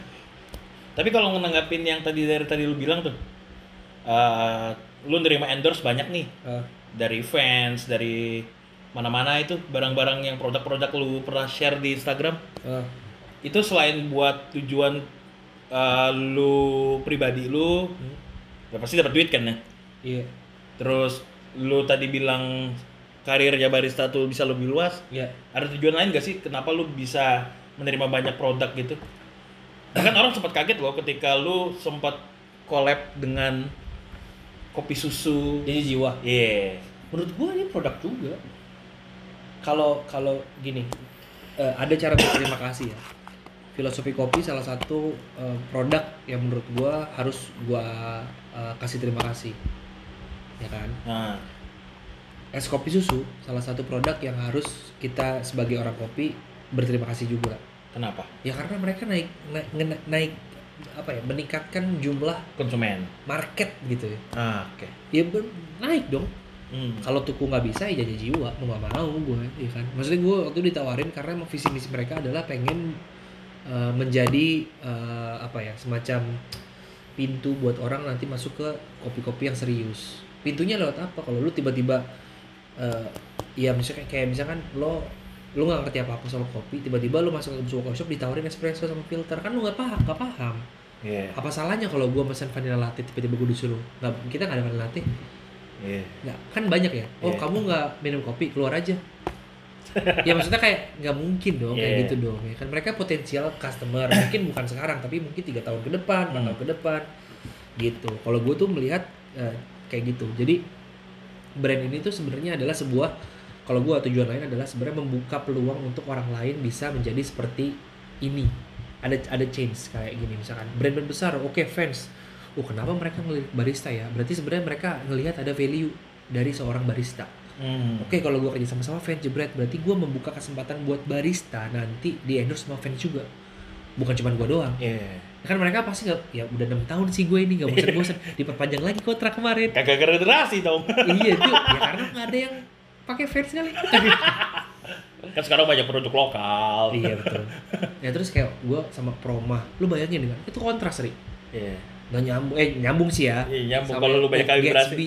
ya nyambung sih ya. Ya kayak gitu-gitu kan maksud gue gue tuh berpikir kalau eh, kesempatan-kesempatan itu terbuka buat semua orang. Asalkan lu eh, ini kalau kita ngomongin scope Instagram ya lu berinstagram lah dengan baik Hmm. ya maksudnya berinstagram dengan baik itu kayak ya kalau lu emang lu ngerasa lu memberikan konten-konten positif ya udah mulailah berikan konten-konten positif dan edukatif itu kan di- dilihat orang ri Hmm. followers banyak itu kan sebenarnya karena karena lu menginspirasi gitu Iya. ya maksudnya lu lihat kan juara dunia Agnieszka followersnya langsung naik lu pernah bilang sama gua kan Iya. itu karena dia memotivasi gitu maksudnya kayak memberikan influence bagus gitu jadi nggak mungkin ada ya kecuali orang tadi yang gue bilang kontroversi itu pasti followersnya banyak juga karena orang Iya. penasaran dia siapa sih Yeah. bikin berantem mulu gitu kayak si eh, Most Wanted itu Aduh. Enggak maksud gua bener dong ya kan Hmm. cara approach dia adalah dengan cara kayak gitu. Jadi ya tujuan gua sebenarnya itu membuka kesempatan buat orang kalau kita tuh profesi yang juga selevel dengan fashion dengan artis-artis ngerti sih. Bukan artis ya, maksud profesional lain. Berarti kalau balik ditarik ke awal tadi kita ngomong, berarti bener dong kalau gua bilang kalau lu bisa jadi icon barista. Bisa, betul. Nggak, kan gua nggak bilang enggak, tapi gua nggak ngerasa gua sendirian. Ah. Gitu. Maksud gua ada kontribusi kayak filosofi kopi yang Ciko sebagai barista bisa yang tadi gua bilang market Hmm. market itu gitu. Akhirnya yang di sini tadi nggak kenal gue jadi eh kenal cuma Ciko, akhirnya jadi kenal gue. Gitu. Maksudnya ya memang proses gitu. Nah, jadi eh, profesi barista kan sekarang kalau udah mulai di endorse sama banyak brand gitu ya. Ah. Berarti bukan profesi yang memang ya, Bukan, bukan profesi yang segmented. ya bukan profesi yang memang dipandang sebelah mata, men. Iya. Karena lu diangkat nama lu dengan kerjasama dengan sebuah brand gitu. Nah, Tukang parkir pernah lihat nggak lu di I endorse? enggak. Ya kan karena memang profesinya masih dipandang sebelah mata Ah. gitu kan. Terus barber deh. Dulu barber Iya. ya kan. Sekarang barber keren-keren banget. Makanya Bener. di endorse banyak. Iya. Karena emang profesinya tuh ternyata ada karir dan ada edukasi dan ada ada apa ya kayak ada semacam aura bagus aja gitu untuk untuk di share ke orang gitu. Kebanyakan orang yang kerja sama sama gue pun juga tujuannya adalah buat gue nge-share experience gue, tapi disponsorin oleh brand tersebut. Bang, opportunity besar banget buat disponsorin sama bang Iya. gitu kayak gue nggak mungkin bisa dapat sponsor 2018 ke WBC kalau gue nggak ada pernah kerjasama dengan brand-brand A, B, C dan D gitu. Hmm. Jadi peluang gue untuk dapat sponsor lebih besar saat gue memang sudah membuka eh, membuka diri gue sendiri untuk bekerja sama dengan brand-brand gitu. Bisa aja dong 2021 gue menang amin. Iya, amin amin amin. Terus gue nggak punya duit ke World, Iya. gue minta minta sponsorin kan gampang jadinya. Iya. Karena lu udah membuka diri lu gitu. Berarti eh gue nggak bisa bilang barista daerah sih, tapi orang-orang di luar sana nih harus lebih membuka diri ya. Iya. Jangan terlalu kaku gitu. Lebih bergaul, bersosialisasi. Lu bisa bisa kalau alasannya ah dia kan di Jakarta, susah. Lah lu temenan sama Party Club, emang Party Club di mana? Iya. Isu ya kan tapi kan lu komunikasi kan? Nah, Lu komunikasi, kan ada ada video call, ada apa segala Iya. macem. Nggak ada alasan nih kayak gitu, Mari. tapi eh Tapi kita kepanjangan gak sih? gue sih bodoh amat sih sebenarnya sih. Gue sih nggak pernah peduli waktu sih. Nggak apa-apa lah selo. Dua Nah, aja. Ini eh mungkin dekat-dekat pertanyaan terakhir lah ya. Hmm. Lu bahagia nggak di kopi selama ini? Bahagia gue. Bahagia karena uh, prinsip gue satu nih. Kopi itu uh, buat gue media yang bisa mengkoneksikan gue ke banyak hal. Uh, tools yang gue sering pakai untuk uh, gue bisa bisa scale up lah. Maksudnya bisa bisa menjadi individu yang lebih baik Hmm. tools ya. Jadi uh, bicara soal apa nih misalkan income ya pasti bertambah gitu. Harus ada Hmm. target untuk bertambah. Bicara soal skill udah pasti kan lu mau ngomong ngulik. Iya. Bicara soal koneksi gua lebih luas. Iya. Bicara soal apa lagi misalkan um, percintaan dong yang susah gua nih. Jadi Nggak bisa eh, pakai media ini. Jadi eh, yang dengar sampai ke jam ini Aga tuh jadi patokan gue sebenarnya. Ngapa lu? Kenapa jadi? Aga aja nih yang ganteng nih, ganteng berskill champion, belum nikah nikah nih, berarti gue slow aja dong. Toh umur umurnya Aga lebih tua daripada gue gitu kan. Bangke lu Rilo. Lah lu dua dua sembilan, gue dua delapan.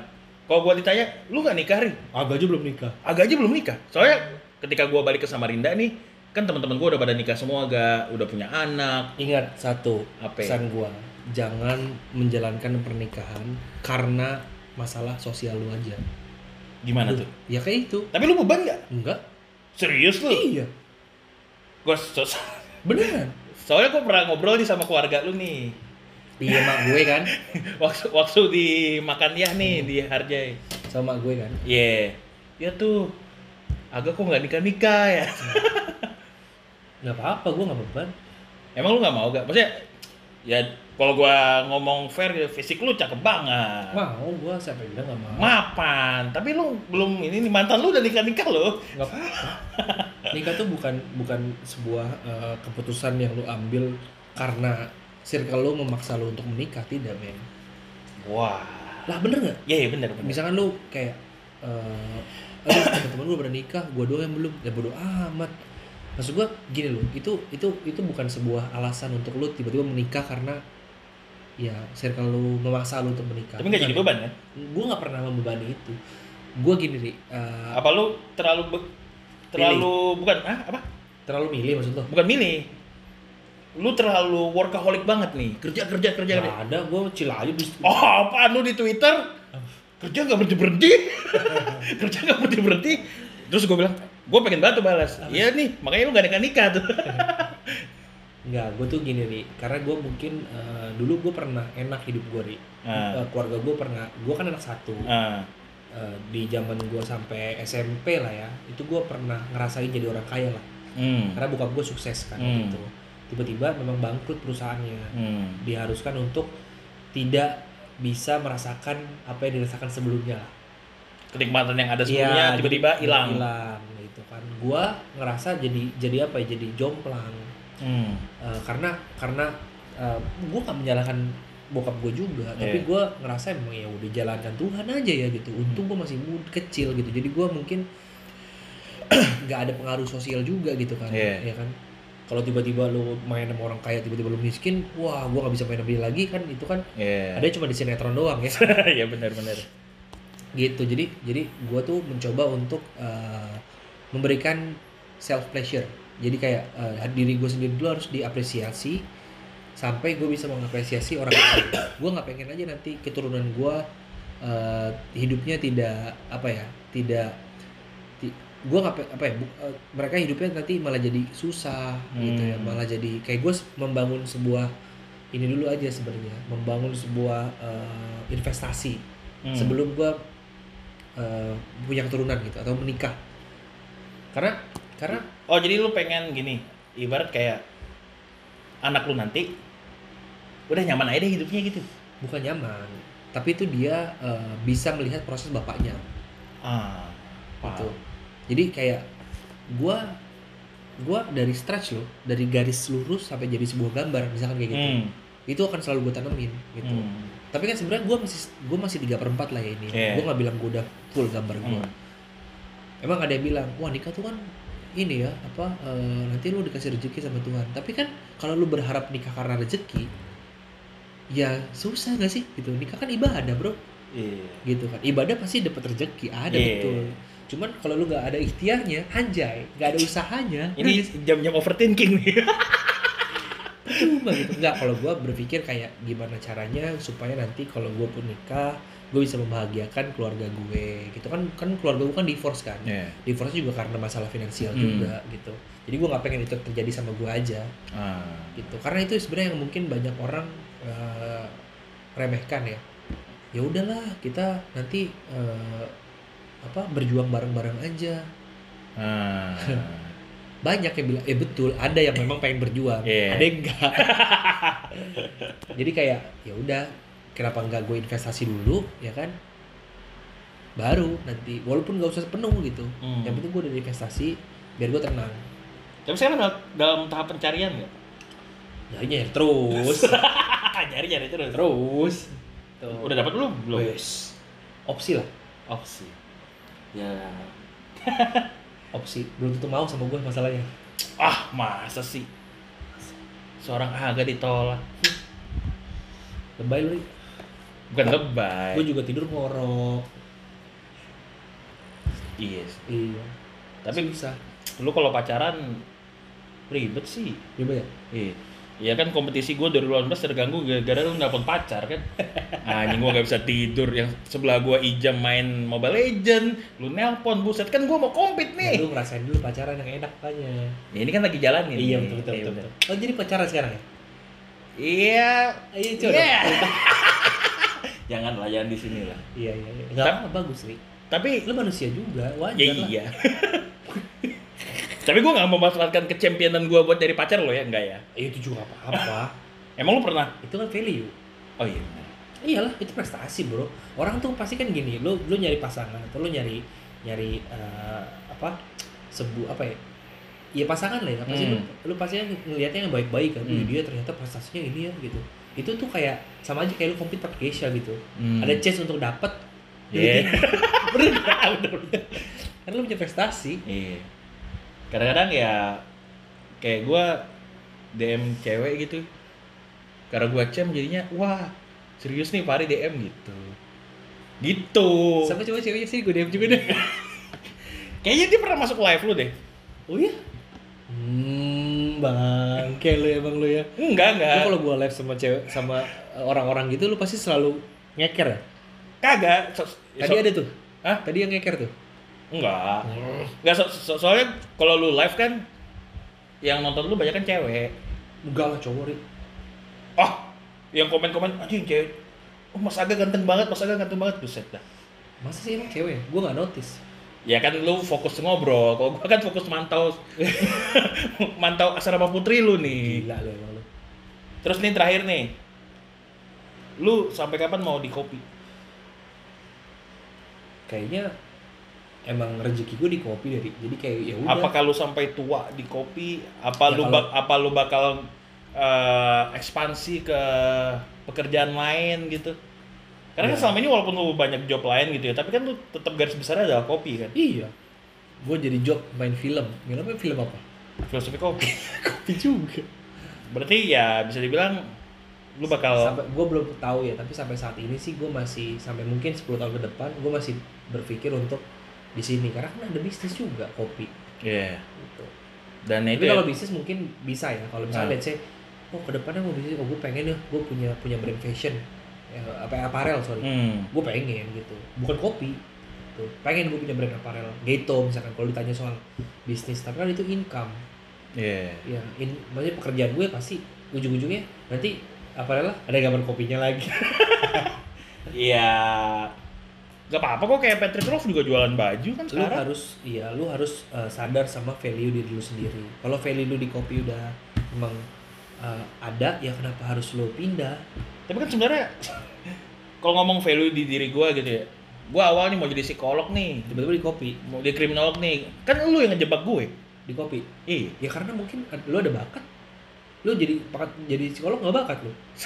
lah karena lu nggak ya kan nggak ada nggak ada kerjaan di Yeah. psikolog. Lu nggak punya koneksi yang bes banyak di ko- di psikolog.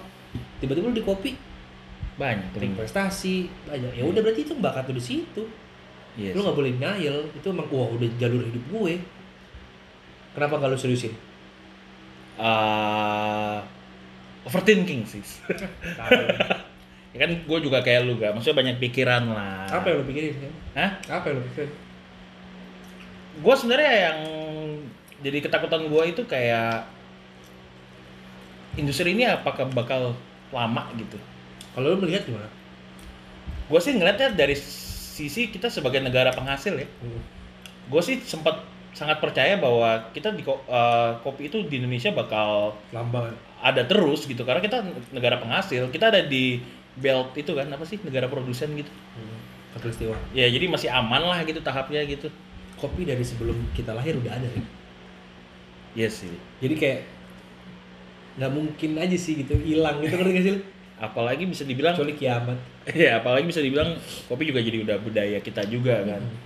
Budaya kita diskusi dan sebagainya juga mulai dari kopi gitu. Hmm, cuman kan tren berkembang kan Iya. ya nggak apa-apa sih kalau menurut gua kalau ngomongin kopi berapa tahun ke depan boset nah, yang nanam kopi yang nanam pohon sekarang aja ada kan nunggunya empat empat tahun lagi Karena mereka pede ya. iya pastilah bahkan bahkan bakal lama sih kok ini bukan tren ya ini ini habit. Dan terakhir nih, terakhir lagi, terakhir terus. Kalau ini kan lu kemarin kan kita sempat ini ya zoom ya? Yang coffee shop itu. Yang Online. yang di zoom kita yang di mana sama teman-teman Jogja Solo? Heeh. kan lu sempat bilang kayak eh, ya udah kita sebenarnya nggak masalah jual apa aja gitu. Nah itu eh, pivotingnya memang harus kayak gitu. Untuk kita kalau ngomong corona ya? Kalau lu mau nge iya kalau lu misalkan eh, lu lu ditinggal di hutan sendirian. Hmm, lu bakal makan apa aja nggak sampai lu hidup? Iya. Ya iya. Menurut gua iya nggak nggak ada salahnya lu jual nasi uduk. Lu nggak ada salahnya jual kue lupis. Ngapain harus lu mikirin kayak nanti kopi gua jadi jelek brandnya? Bro kalau emang brand lu kuat ya udah kuat aja. Hmm. Cuma kan kayak gini gak, maksud gua kayak ya gua nggak tahu ya lu mikirin apa enggak kayak orang-orang kan ngeliat ini apaan sih? Agak sih. Apa aja dijual sekarang? Gitu. Maksudnya kayak, orang mikir kayak gitu. Ya maksudnya kayak kalau orang-orang kan ini kok agak posting makanan, nih agak jualan ini, jualan ini, apalagi nanti produk-produk Smith ada produk-produk makanan macam-macam apa eh, rap-rap gitu apa segala Hmm. gitu. enggak gua nggak pernah mikirin. Soalnya kan kayak beberapa mungkin gua nggak tahu ya beberapa di daerah gitu berapa kan kita tuh masih harus jual kopi terus gitu.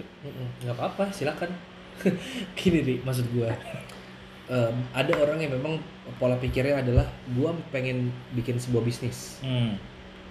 ya udah eh, bisnis gua adalah bisnis eh, misalkan namanya gelas Hmm. ya udah gua jual gelas aja ada orang yang pola pikirnya adalah gua mau punya bisnis nanti akan gue ekspansiin Hmm. gini tapi kan cara orang berekspansi itu beda ada yang gelasnya dibanyakin ada yang sebenarnya dia pabrik gelasnya dibikin piring dibikin sendok Hmm. gitu ngerti nggak Paham, paham. jadi kayak ibaratkan lu mau membesarkan nama gelasnya atau lu mau membe- membesarkan grupnya ah, gitu jadi lu tahu Ismaya kan tahu tahu tahu. produk ini banyak banget men Iya, gila. lu tahu MAP kan Tahu. ada Starbucks Iya. ada Zara Iya. ada banyak jadi gue tuh bukan mau membesarkan Smithnya tri Hmm. kopinya yang mau gue besarin bisa jadi tri kopi PT deh PT Iya. Trikopi itu nama PT lu ya? PT bisa Ah. jadi tri kopi nanti menjadi sebuah tri kopi event organizer kenapa enggak Ah. bisa jadi tri kopi eh, donat bisnis donat tri kopi sandwich Ah. sandwich kenapa enggak men kenapa lo harus stuck sama satu brand yang memang sebenarnya scale up untuk gini sekarang kalau si gelas ini udah 10 mau ngapain Iya. Paling cuma bikin bentuk gelas yang lain. iya kan tapi kalau tiba-tiba pabrik gelasnya lo bisa bikin piring Iya. kan kebutuhan orang bisa lo serap juga lu bisa capai pasar yang lebih luas iya lagi. jadi menurut gua kayak kalau di momen kayak gini lo kan dituntut untuk bisa survive Iya. lu dituntut untuk bisa mencari kayak potensi apa sih yang bisa lu keluarin Hmm. di saat ini dan bisa lu jual Ah, Oke. jadi kayak itu kalau kalau bisa melihat opportunity ya gue jago juga ya bikin donat kenapa gue nggak bikin bikin brand donat aja under company gue misalkan Ah, Randy bikin kombucha bener. Isman bikin kombucha susunya dijual kenapa harus berpikir Isman jual susu sekarang emang eksportasi dari susu Iya. kenapa nggak dijual Iya benar. kenapa dia harus kayak misalnya kayak gitu-gitu loh menurut gue Pintar melihat opportunity ya. lah karena sekarang gini kalau lu stuck cuma di satu satu Produk. produk gitu Hmm. ya udah mentok lu mau ngapain gitu Iya. ya udah kayak gitu aja tapi lu harus bisa melihat kesempatan yang lebih apa ya opportunity yang lebih luas lagi. Ah. kira-kira brand lu bisa lu kembangin nggak gitu? Kayak gitu-gitu loh. Jadi eh, bukan berarti gue jual apa aja nggak ada maksud. Ada maksud pasti. Iya. itu namanya market research. Kalau tiba-tiba gue jual makanan laku banget makanan gue nih. Ah, kenapa gue harus kenapa gue nggak jual makanan terus? Kenapa harus stop gitu kan? kenapa harus stop? Iya. gitu bisnis bro gitu. Maksud gue Siap siap. iya bisnis kan tujuannya adalah untuk cari profit. Hmm. gitu. Jadi ya udah kalau emang lo ngerasa oh gue di kopi di kopi nih misalnya di gelas. Anjir ternyata udah settle ya. Gelas udah ada orang yang ngejalanin. Hmm. udah autopilot. Lu ngapain kerjaan? Diem aja udah gini. Nungguin duit. Kayak nungguin kontrakan orang betawi. Ya sih? Iya kayak orang kos kosan. iya kan gitu kan. Iya. ya udah lu harus cari apa yang bisa nanti jalan lagi autopilot lagi lu cari apa autopilot lagi itu bukan bukan bukan karbitan tapi lu melihat opportunity Dan ini bisa menambah income banget. dan lu bisa memberikan pekerjaan ke banyak orang lebih banyak lagi Iya. lo bisa ya bisa banyak Ya ujungnya lu bisa bermanfaat buat banyak orang kan. Mm-mm. gitu Ri. Siap siap siap. Oke. Udah cukup gak? udah lah Udah 2 jam 13 menit. Oke, terima kasih Bapak Muhammad Muhammad ya. Ah. Muhammad Aga, terima kasih banget sudah bersedia jadi podcast saya dan this is my time.